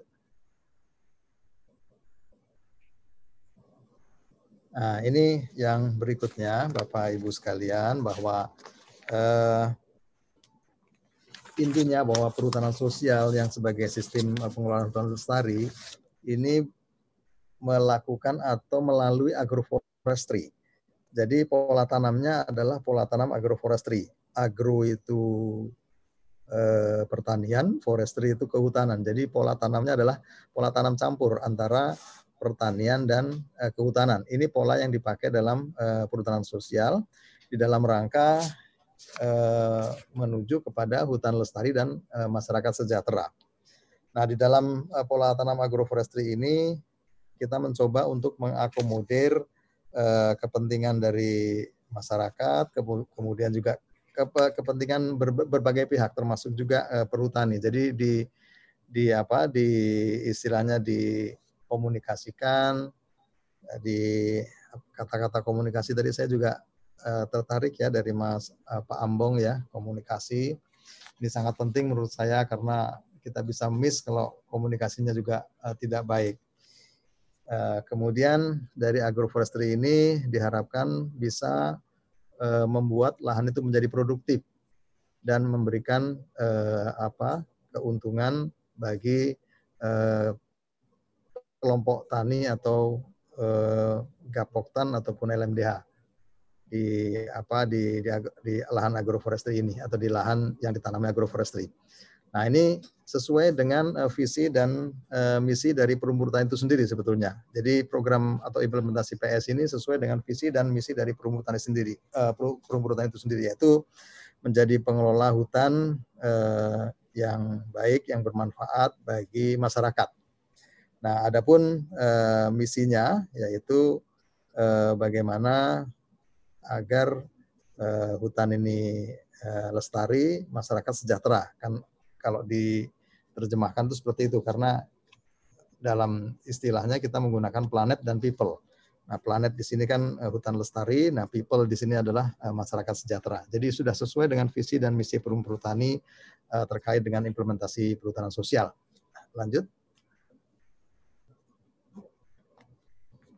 Nah, ini adalah eh, tantangan-tantangan ya yang mestinya bukan menjadi penghalang, tetapi kami mencoba menginventarisir Bapak Ibu sekalian pemirsa uh, Vicon di mana pun berada bahwa kami mencoba nih karena kami juga masih direktorat baru, kami mencoba apa-apa saja yang kira-kira menjadi tantangan. Baik itu tantangan di dalam uh, apa yang menyangkut dengan kelompok masyarakat maupun tantangan dalam pengelolaan hutan Jawa itu sendiri. Jadi eh, yang jelas bahwa di dalam pengelolaan hutan Jawa ini kan dituntut adanya kelestarian. Ya. Bahwa hutan ini harus lestari. Ini tuntutan pengelolaan hutan di Jawa. Kami ini kan diberi mandat ya oleh LHK dalam eh, P72 tahun 2010 untuk bagaimana lahan ini bisa dikelola secara lestari. Kemudian juga hutan sebagai sumber kehidupan masyarakat desa. Kemudian akses legal pemanfaatan hutan oleh masyarakat desa, hutan atau MDH. Dan hutan ini juga sebagai penunjang program nasional ketahanan pangan, program energi baru dan terbarukan. Ini tantangan pengelolaan.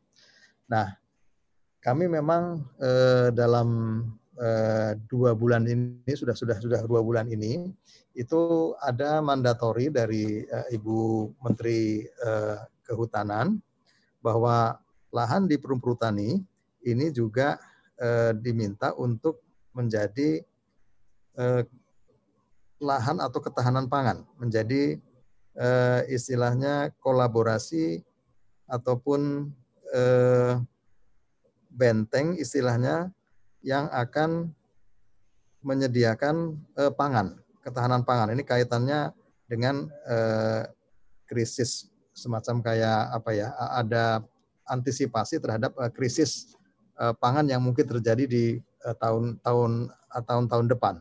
Jadi ada langkah kolaboratif eh, dukungan penyediaan bahan pokok pangan. Ini tercatat eh, atau melalui surat dari Ibu Menteri terkait dengan eh, kolaborasi ketahanan pangan, yaitu kita diminta untuk menyediakan eh, di daerah Jawa. Sebetulnya di luar Jawa juga, tetapi karena perum perhutani di Jawa, ini eh, perhutani eh, diberi tugas juga untuk melakukan kolaborasi ketahanan pangan. Kita juga sudah punya 10 pilot project di masing-masing eh, unit ya di ada di Divre Jawa Timur, ada di Divre Jawa Tengah dan di Divre Jawa Barat. Jadi kalau eh, kotanya atau KPH-nya itu ada di Indramayu, ini padi, kemudian di Pemalang itu jagung, Kendal itu eh, jagung, Madiun jagung.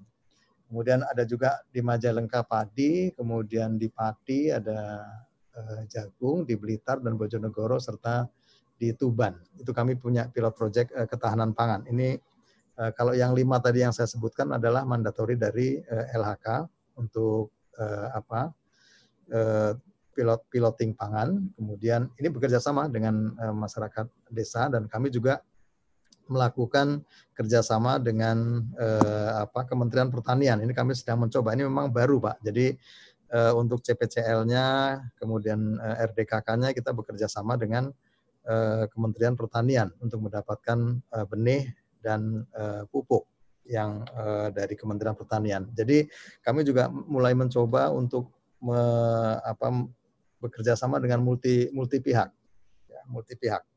Jadi eh, tadi juga ada kritik dari Pak Ambong ya kalau tidak salah bahwa memang belum semua kementerian ini eh, tahu persis mengenai perhutanan sosial. Nah, ini kami mencoba untuk eh, melakukan komunikasi dengan Kementerian Pertanian. Kami coba uh, menyampaikan apa itu perhutanan sosial, walaupun mungkin belum menyeluruh.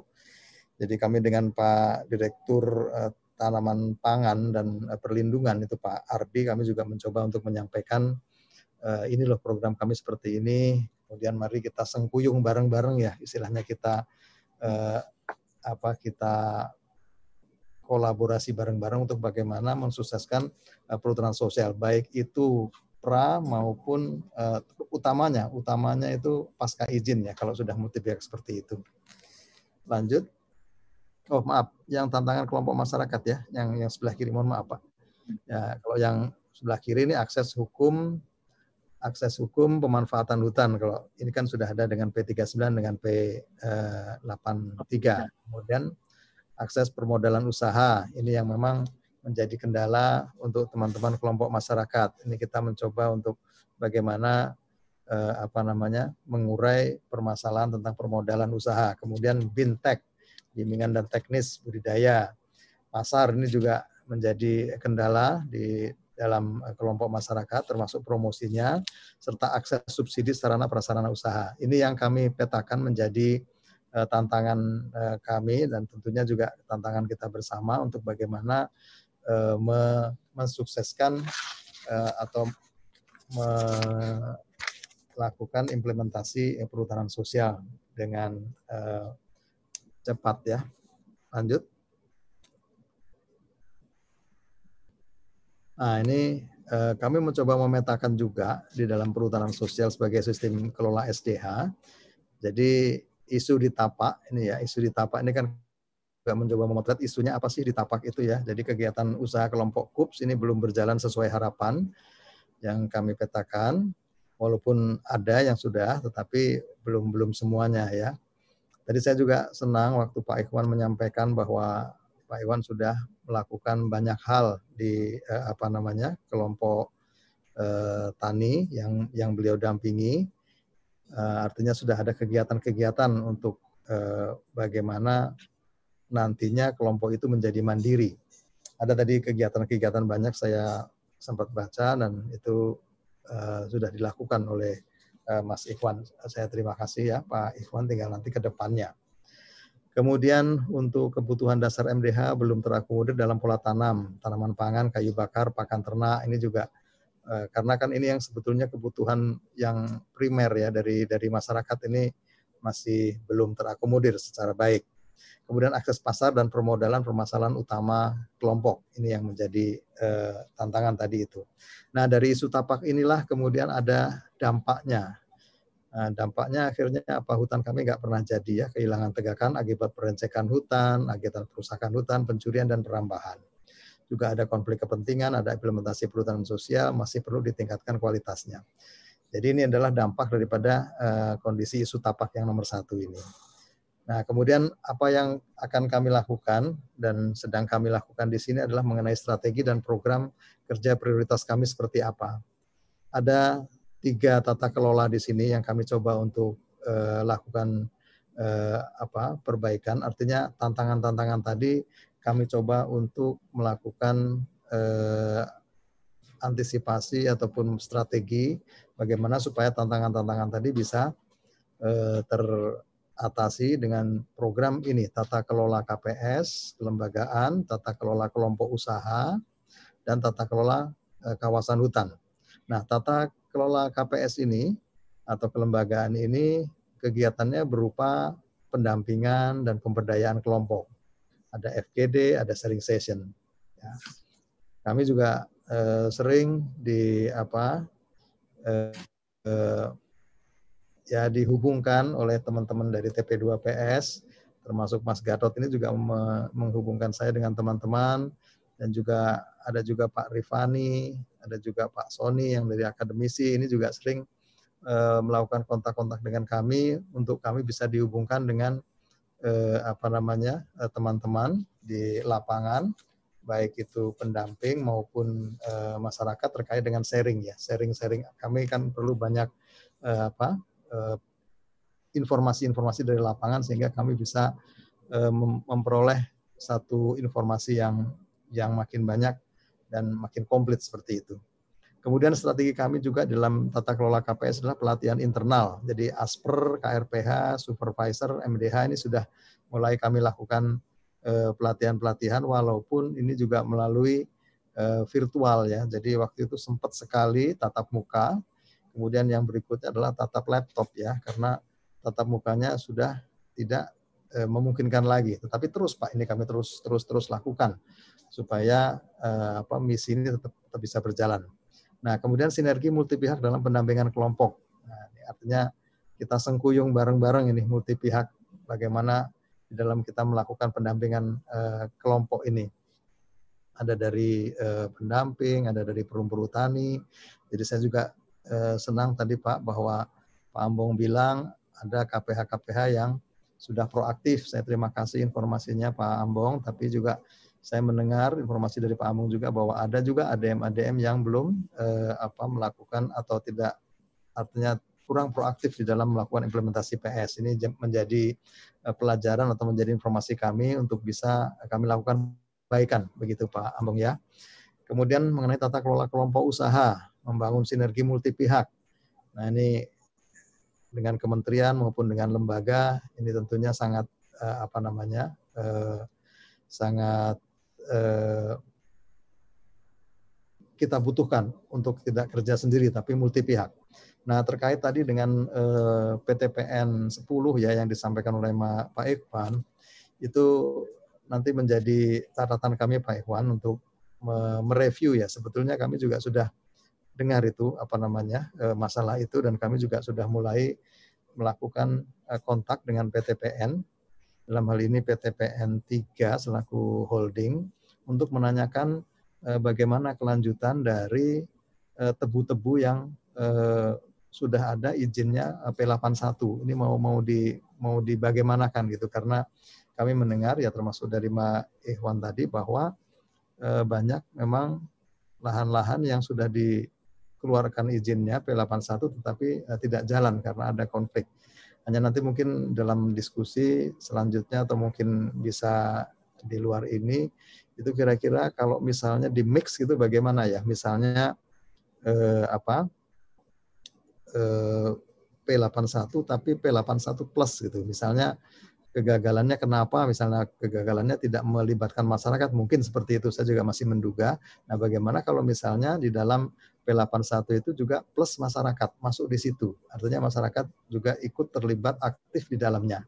Ya entah itu bagaimana skemanya ataukah masyarakat juga nanti akan juga diberikan sharing misalnya seperti itu karena daripada nggak jadi gitu maksud saya Pak. Daripada nggak dapat ya. apa-apa semuanya lebih baik ada eh, sharing juga untuk masyarakat. Nah ini yang sedang kami eh, apa namanya dalami atau kami pelajari untuk bisa kami komunikasikan dengan eh, PTPN eh, 3 selaku holding. Jadi eh, induknya seperti itu, Pak.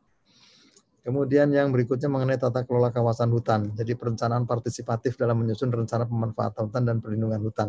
Jadi kami juga mulai mencoba untuk bagaimana menyusun tata kelola kawasan ini dengan eh, partisipatif, Pak. Artinya apa yang teman-teman dari lapangan inginkan ini coba kita uh, akomodir dan kita mixkan dengan uh, apa tanaman atau pola tanam uh, atau dengan tanaman pokok. Uh, kalau secara apa namanya homogen seluruhnya misalnya jagung semuanya itu kami nanti dimarahi oleh Bu Erna ini karena kita diberi apa namanya hak pengelolaan oleh LHK ini kan diminta untuk menjadikan hutan. Jadi polanya harus agroforestry, artinya harus ada ya harus tanamnya atau harus ada tanamannya tidak eh, apa namanya eh, agro saja jadi tidak boleh dilakukan satu penanaman yang khusus jagung saja atau khusus padi saja itu tidak kita tidak diperkenankan kecuali pada saat menunggu eh, apa namanya eh, tanaman itu habis tebangan habis tebangan itu bisa dilakukan tapi setelah setahun dua tahun pada saat kita akan melakukan tanaman nah itu harus artinya harus ada tanaman pokoknya seperti itu. Tanaman pokoknya di sini bisa sengon, bisa jati, bisa pinus seperti itu. Tetapi harus ada tanaman pokoknya itu sudah sudah ketentuan supaya eh, kawasan hutan ini benar-benar menjadi hutan karena sebetulnya PS ini kan juga ujung-ujungnya adalah tadi itu harus harus jadi hutan gitu. Makanya tadi yang mungkin dilakukan oleh bapak-bapak atau ibu pendamping di sini Mas Ikhwan dan juga mungkin Eh, teman-teman uh, TP2PS itu adalah bagaimana supaya nantinya uh, dua-duanya jadi, hutan, artinya IPHPS juga harus jadi hutan, kemudian Kulin Kakak juga harus jadi hutan. Itu uh, saya rasa itu kan arahnya ke sana seperti itu. Uh, lanjut.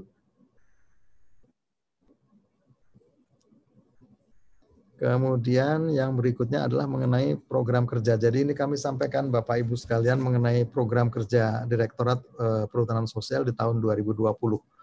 Jadi apa sih yang akan kami lakukan di tahun 2020 ini adalah ini Pak. Jadi ada kalau ini seperti buah pisang ya. Jadi mulai dari fasilitasi, kemudian penyelesaian, penguatan, peningkatan dan mengawal. Jadi fasilitasi penyiapan areal Ini yang pra SK ya, pra SK, areal perhutanan sosial IPHPS ini PIAPS dari LHK tahun 2020. Ini ada 326,972 hektar. Nah, realisasi sampai dengan tahun 2020 ini 26,127. Ini tentunya angka-angka ini perlu kami apa sinkronkan lagi nanti dengan uh, regulator supaya sama. Nah, rencana tahun 2020 adalah 71.189. Kemudian mengenai kemitraan kehutanan di PIAPS itu ada 474027, jadi PIAPS-nya kemitraan kehutanan ya 474, kemudian realisasi sampai dengan 2020 ini 188,353 hektar. Jadi rencana 140 ribu. Nah kemudian kami juga punya program untuk penyelesaian konflik areal perhutanan sosial. Pak Gatot ini masih ada waktu saya Pak Gatot? Ya, ya, terus Pak, masih. Iya Pak ya, oke. Ya. ya. Kemudian mengenai penyelesaian konflik areal perhutanan sosial, kami juga punya target bahwa di tempat kami ini konflik eh, banyak sekali Pak, banyak sekali dan ini eh, bukan bukan sebagai apa ya, tetapi ini harus kita selesaikan, harus kami selesaikan Pak. Jadi bagaimanapun juga ini harus harus bisa kita selesaikan. Itu tadi kuncinya ya komunikasi dan eh, apa namanya hubungan uh, artinya yang baik antara yang berkonflik seperti itu ya. Tadi yang sudah disampaikan Pak Ambong tadi itu saya sangat setuju sekali bagaimana kita bisa menyelesaikan konflik kalau komunikasinya tidak baik ya. Jadi konflik PS yang terjadi di area PS ini yang uh, kami deteksi ada 78 titik dan di tahun 2020 ini kami mentargetkan titik yang bisa diselesaikan. Kemudian yang berikutnya penguatan kelembagaan eh, kelompok eh, L, eh, MDH atau masyarakat desa hutan. Dan yang berikutnya ini mengenai peningkatan kewirausahaan. Ini sudah pra, ini artinya sudah pra SK. Ya, eh, peningkatan kewirausahaan bagaimana lahan-lahan yang sudah dapat eh, apa? Sudah dapat SK ini bisa ditingkatkan Nah, mengenai pendampingan dan pemberdayaan kelompok tadi itu pendampingan di 130 kelompok di 5 KPH lokasi piloting pangan, Banten, Indramayu, Pemalang, Kendal, Madiun. Ada juga tiga KPH model sebagai eh, penerapan social partnership Kediri, Telawah, dan Indramayu.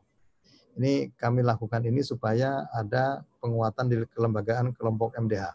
Nah, terkait dengan peningkatan kewirausahaan, ada KUPS yang terbentuk 150 KUPS, peningkatan kewirausahaan ada 25 kelompok unggulan. Ini target kami untuk peningkatan kewirausahaan atau pembentuk KUPS atau kelompok usaha perhutanan sosial. Nah, terkait dengan itu juga apa yang kami sampaikan di depan tadi bahwa kita juga ditugaskan untuk mengawal program ketahanan pangan. Jadi mengawal ketahanan eh, pangan dalam kawasan hutan.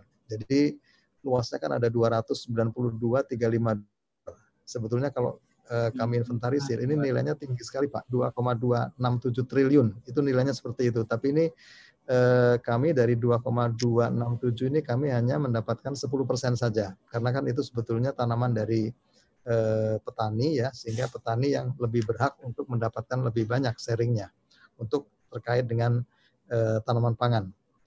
Jadi kami dapat hanya dari 10% dari sini dan itu menurut saya oke okay, karena ini memang usaha dari petani itu sendiri. Itu mungkin Pak Gatot yang ya. bisa saya sampaikan pada kesempatan eh, siang hari ini. Terima ya. kasih atas perhatiannya Bapak Ibu sekalian. Mohon maaf kalau ada yang kurang pas dan kurang berkenan di hati Bapak Ibu sekalian. Kami kembalikan ke Pak Gatot. Terima kasih Pak Gatot. Assalamualaikum warahmatullahi wabarakatuh. Waalaikumsalam warahmatullahi wabarakatuh. Terima kasih Pak Anies. Ini satu paparan yang sangat menarik sekali dari Pak Anies dari uh, Perhutani tadi juga sudah bisa menjawab sebetulnya apa yang pernah dipertanyakan oleh Pak Ikhwan dan juga Pak Ambong gitu. Cuma nanti memang uh, perlu satu kolaborasi lagi yang lebih gitu yang menyangkut dengan persoalan-persoalan tadi uh, peningkatan di sektor ekonominya gitu. Tapi paling tidak berbagai berbagai persoalan perhutanan sosial yang ada di tingkat tapa, berbagai konflik segala macam ini bisa mulai kita komunikasikan dan mudah-mudahan juga mungkin dari perhutani itu nanti ada satu komunikasi dengan teman-teman pendamping. Jadi ada kalau misalnya dalam satu proses pendampingan ada masalah di level bawah dengan KPH bisa dikomunikasikan langsung ke atas. Mudah-mudahan itu bisa terjadi, itu mungkin lebih mendorong bisa lebih mendorong percepatan. Mungkin seperti itu juga ya Bu. Jadi mudah-mudahan ke depan mungkin kami juga mau membuka kolaborasi lebih besar lagi yang tentu titik tolaknya nanti kita ke persoalan-persoalan eh, peningkatan ekonomi lah dari sektor perhutanan sosial ini gitu. Tapi paling tidak tadi eh, selama ini kita pengen tahu apa sih yang dilakukan perhutani Nah, dengan adanya direktur perhutanan sosial, terus kemudian juga ada tingkat regulator di tempatnya Bu Erna. Nah, kita makin makin makin jelas, makin gamblang gitu dan mudah-mudahan ini bisa diikuti oleh teman-teman eh, kelompok-kelompok pendamping bisa mengikuti masalah ini lebih jelas dan bisa seperti apa sih komunikasi yang harus dibangun nanti gitu. Jadi mudah-mudahan target capaiannya juga makin besar dan kemudian juga persoalan-persoalan lain yang ada konflik juga bisa dikurangi. Mungkin seperti itu. Nah, ini untuk Bapak Ibu peserta yang mau bertanya, monggo. Ini dari ada satu pertanyaan ini yang ditujukan untuk mungkin Bu Erna, Pak Anies, dan yang lainnya. Ini dari Mas Wawan. Dari Mas Wawan ini ada satu pertanyaan. Selamat siang dan salam sejahtera untuk kita semua, Bapak Ibu.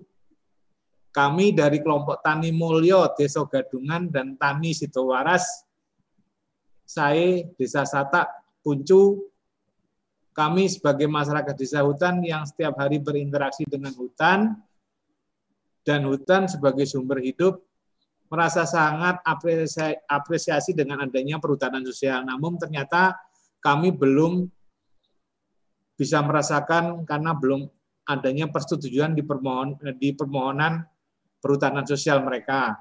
Konflik yang terjadi masih ada. Jadi mungkin bisa dicatat Pak Anies ini ada di daerah Puncu Kediri, Kecamatan Puncu Kediri. Di sana tuh ada Desa Sata, dengan kelompok taninya Sidowaras mereka mengajukan izin tapi belum. Nah, kemudian kemudian juga dari yayasan yang ada yayasan yang peduli ingin masuk membantu masyarakat desa dalam bentuk kerjasama seperti apa prosedurnya itu dari Pak Iksan Hajar. Mungkin nanti bisa dijawab apakah oleh Ibu Erna atau Pak Anies. Nah, mungkin seperti itu, Pak. Ya, mungkin begitu, Bu Erna. Ini waktu kita juga makin sedikit, Pak Anies. Jika memang itu nanti bisa dijawab, Bu Erna. Ya. Terkait tadi yang dipuncu dan yang yayasan yang ingin bantu masyarakat desa. Ya, Baik, terima kasih uh, Pak Gatot untuk pertanyaan Mas Wawan uh, terkait dengan permohonan yang di Desa Sata ya, Sata Kecamatan Puncu Kediri. Ini memang kemarin kami sudah coba fasilitasi dan kami sudah minta karena sekarang dalam kondisi Covid jadi kami memang terbatas untuk bisa ke lapangan sehingga kami meminta bantuannya kepada eh, Pak Anies ya, Pak Anies untuk dicek di lapangan. Jadi persoalannya ini kalau tidak salah ada persoalan terkait dengan uh, ada satu desa yang uh, tidak mempunyai uh, wilayah uh, HPD gitu.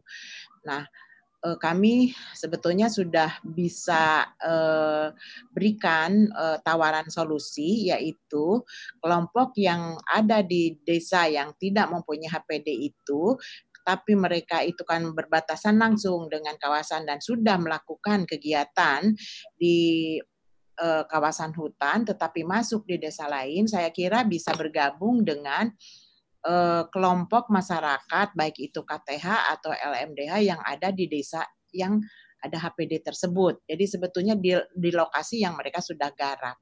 Nah, ini tawaran ini sudah saya sampaikan kepada Pak Anies uh, untuk memfasilitasi di lapangan.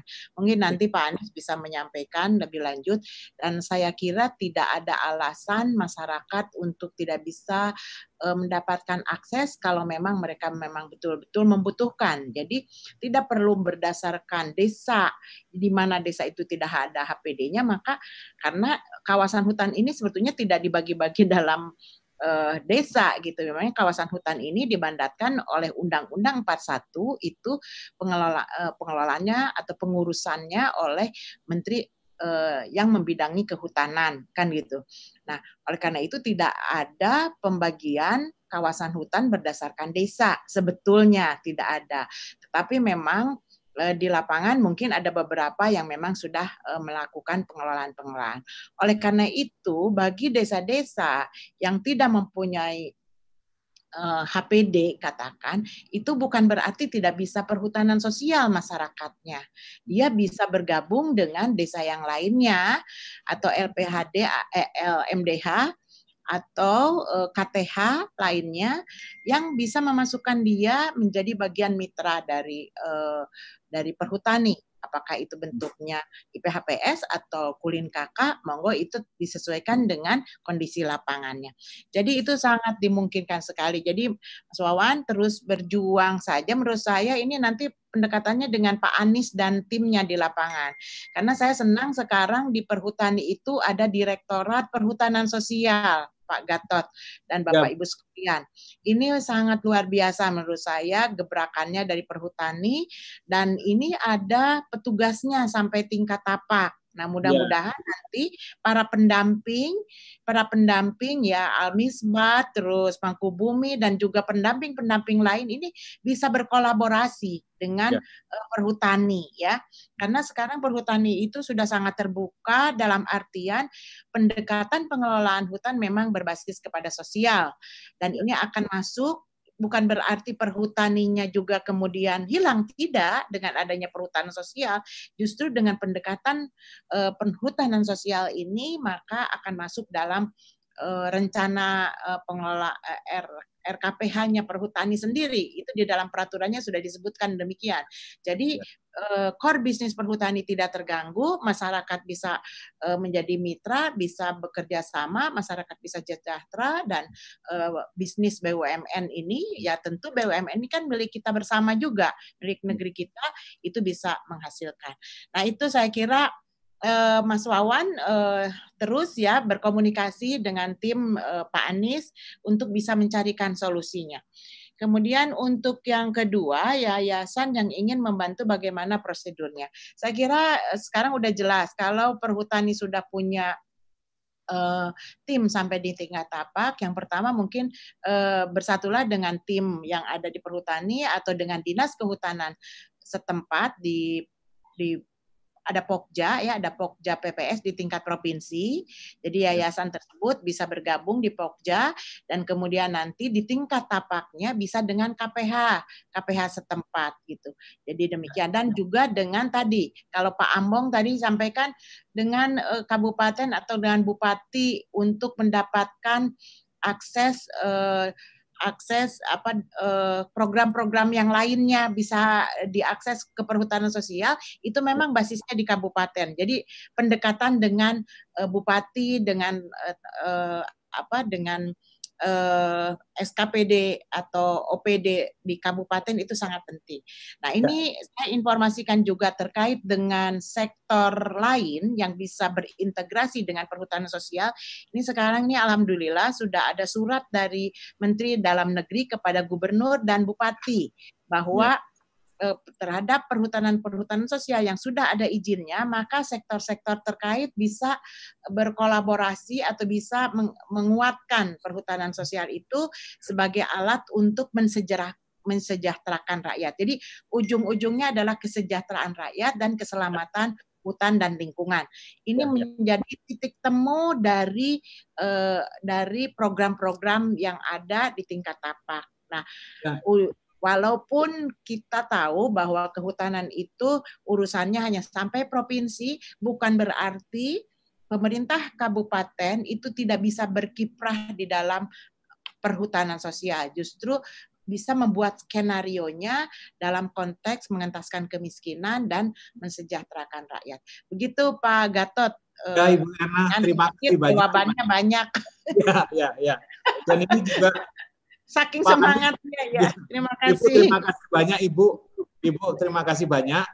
Ya. Pak Anies terima kasih, Pak Ambong, Pak Iwan segala. Ini kita ada keterbatasan waktu, sudah sudah mencapai uh, finishnya gitu, maksudnya ya, sudah hampir finish uh, ya.